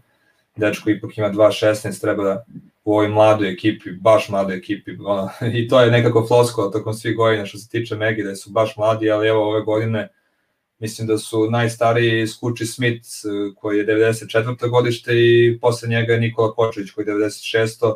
Svi ostali yes. igrači su ispod 25 godina.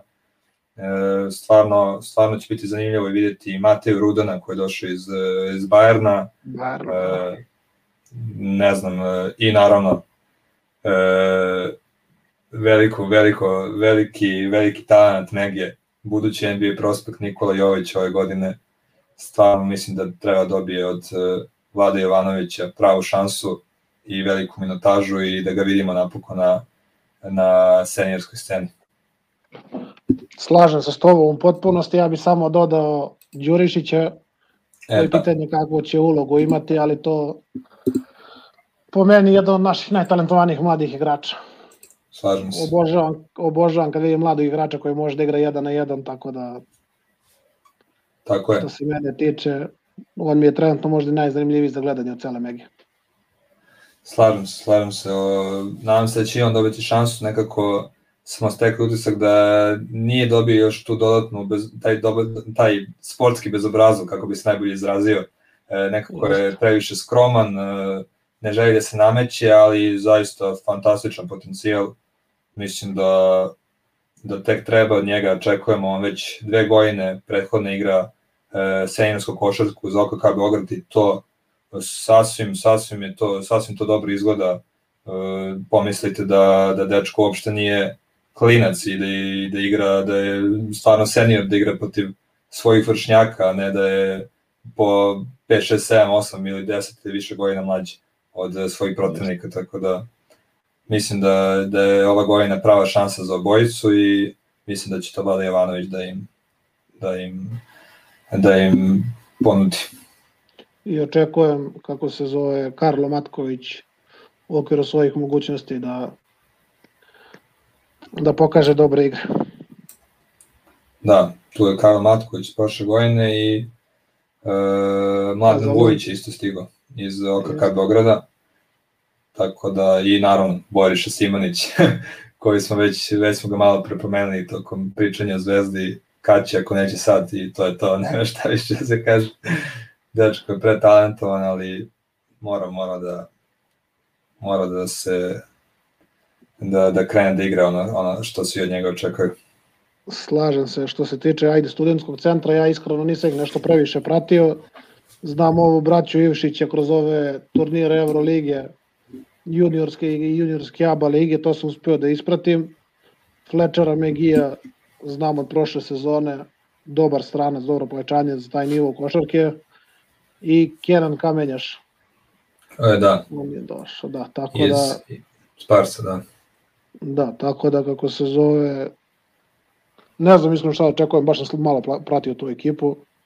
Više znam igrača iz mlađih kategorija nego što sam zapravo pratio tu ekipu i sada budućnost FNP-a. U, da.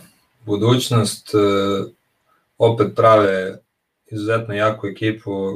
Došao, vratio se e, stari dobri Aleksandar Đikić, e,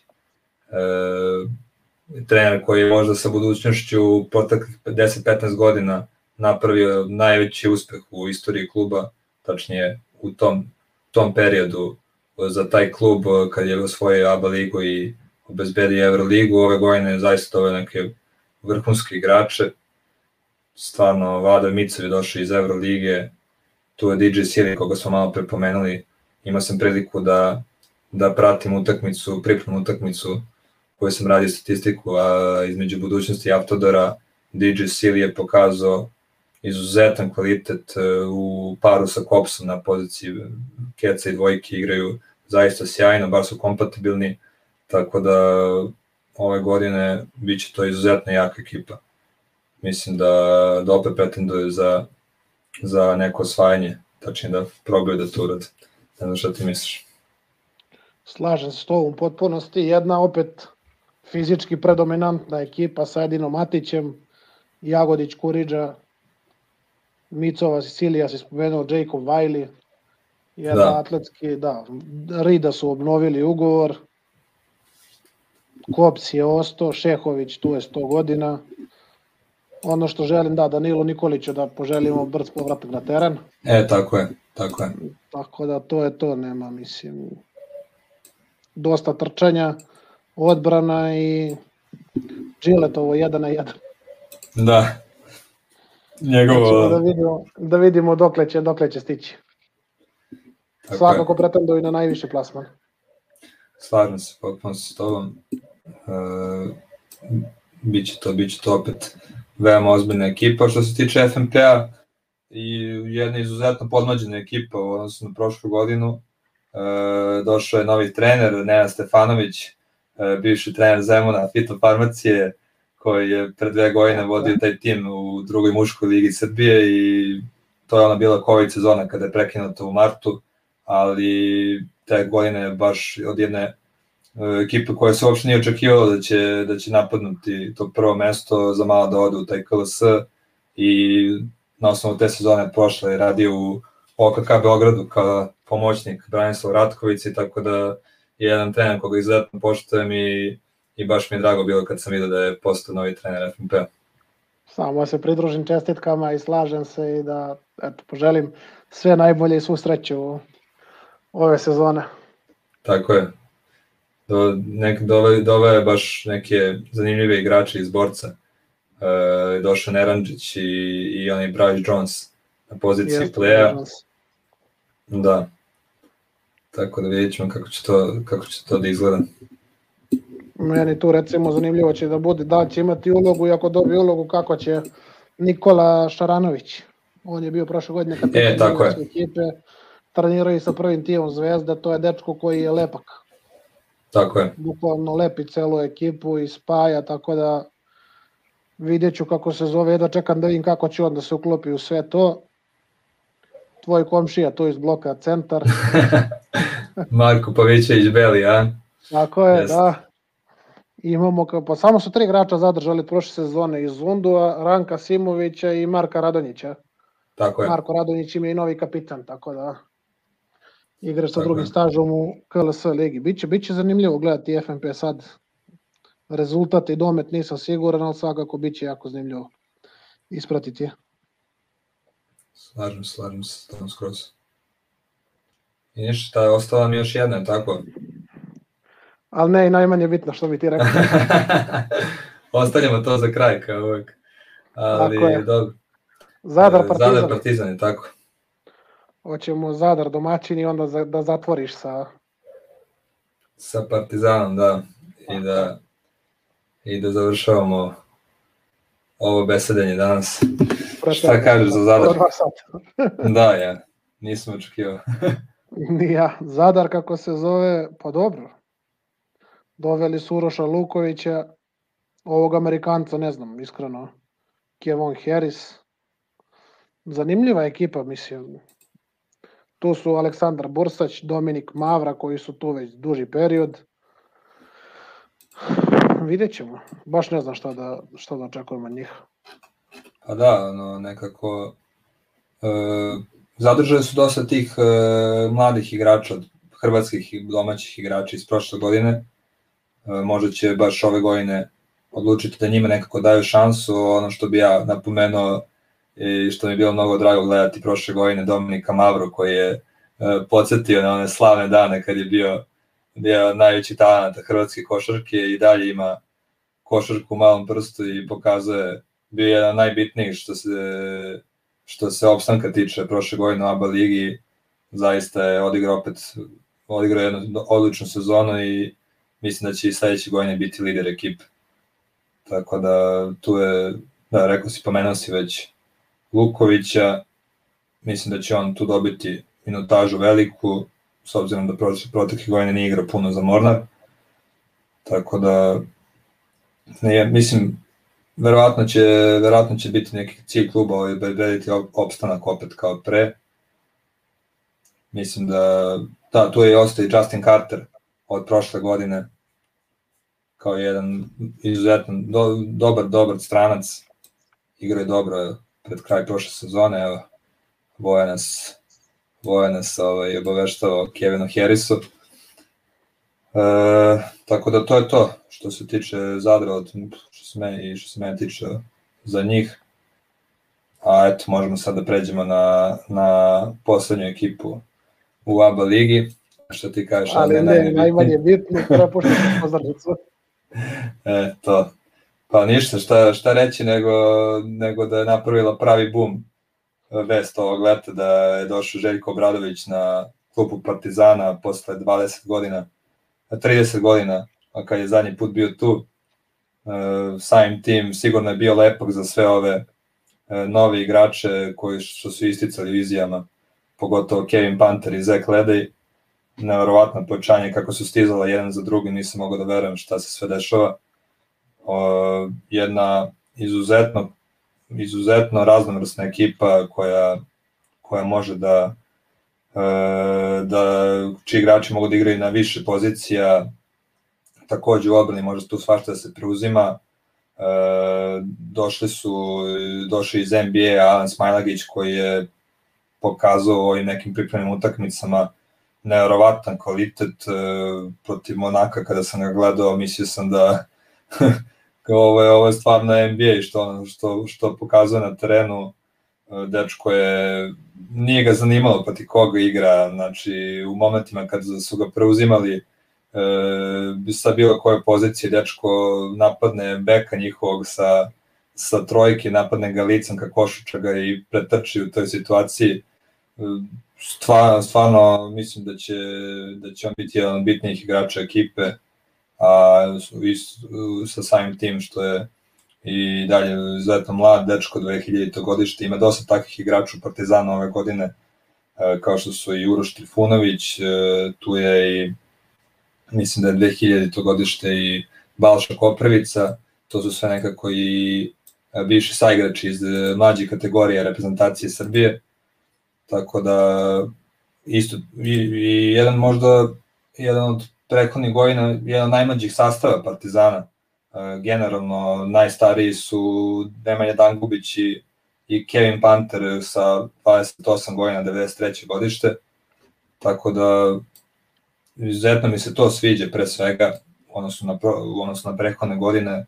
Ja, da, ja Madar je takođe 2000. E, godište koji je strašan talent, e, pik sa drafta Boston Celticsa, mnogo mi se sviđa njegov, e, njegov, njegova promena ritma, njegova brzina sa loptom, dečko je stvarno, s obzirom e, na svoju građu, nekako može da, da to da to izdrži nekako i u tim prodorima, da ulazi lepo u kontakt, da završava to veoma brzo u nekim situacijama. Nego, ne, najviše mi se sviđa što njegov šut uh, je izuzetno pouzdan kad god ostane sam i u ovim pripremnim utakmicama uh, kad god je bilo bitno uh, postizo je, postizo je poene.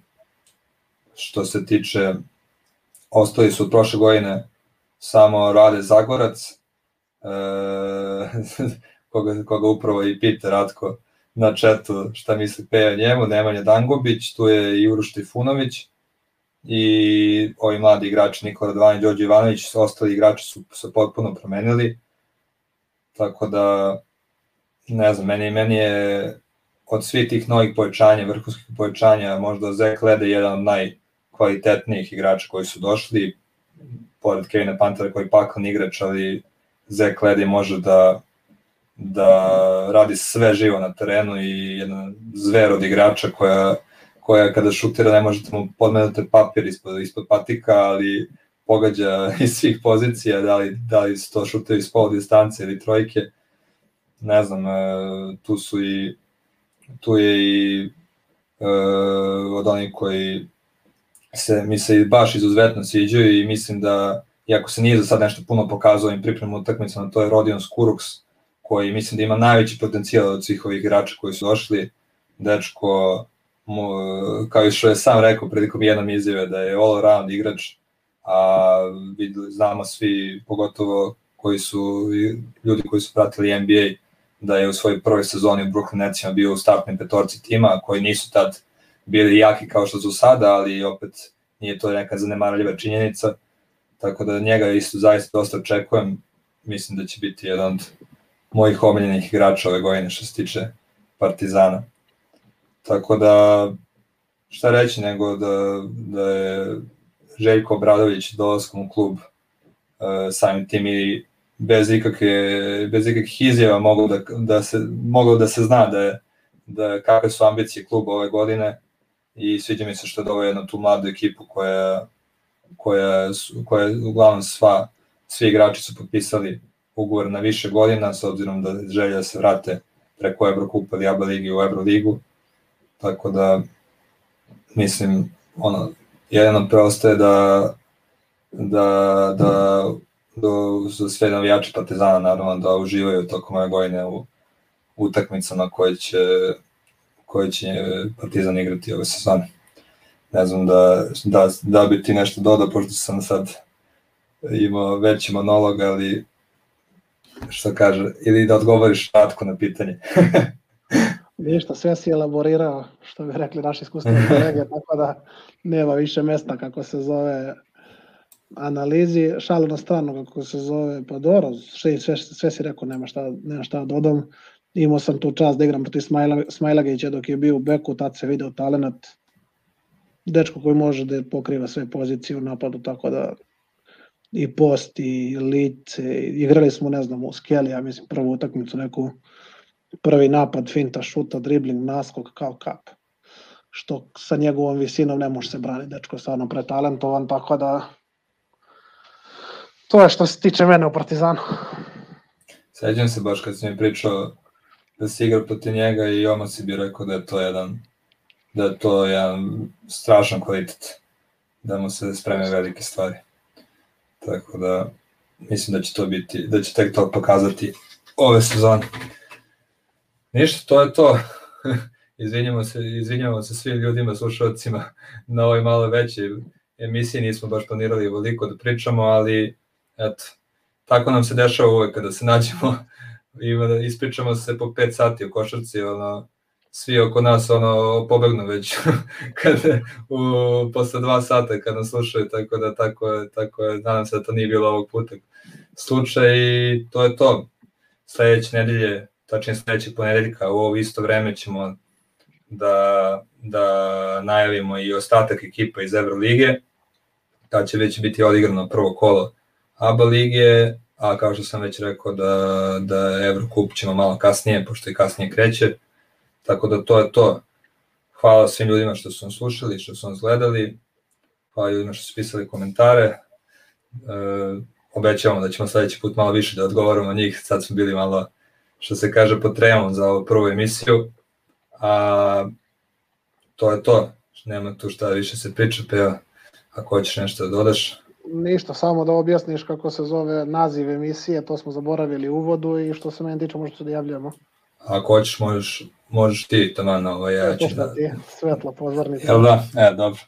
Ništa još da znamo da kažemo tu, e, tu priču da je sam Eurozipper naziv ovog podcasta nastao iz neke naše interne šale, pošto generalno Zipper kao akcija se mnogo često koristi u evropskoj košarci, tačnije mnogo trenera to koristi e, tokom prethodnih godina i uglavnom se nek, ima milion tih variacija nekih, ali uglavnom se koristi neka ulazna kretnja u samu akciju kada se izvodi neki bočni out pa da playmaker primi loptu i da započne akciju, a onda smo se ja i Peja šalili da se Zipper u NBA ligi koristi e, za poentiranje u, u, i završnicu napada zbog naravno po znacima navoda jake odbrane u NBA ligi, tako da eto, ta, na taj način zbog toga smo odlučili da se ova emisija, pošto se priča o evropskoj košarci, naziva Eurozipper. Zipper to je eto što smo ostali dužni da vam kažemo i to je to.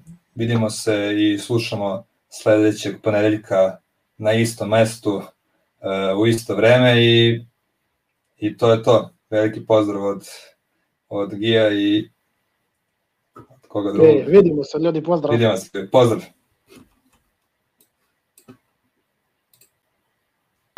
Nugget Srbija, YouTube, Nugget Srbija, YouTube, Facebook, Twitter, uh, zvonce, stisnite, like, share, komentar, MySpace, uh, na blogu, u novinama, u novinama smo sutra, gledajte nas. To je to.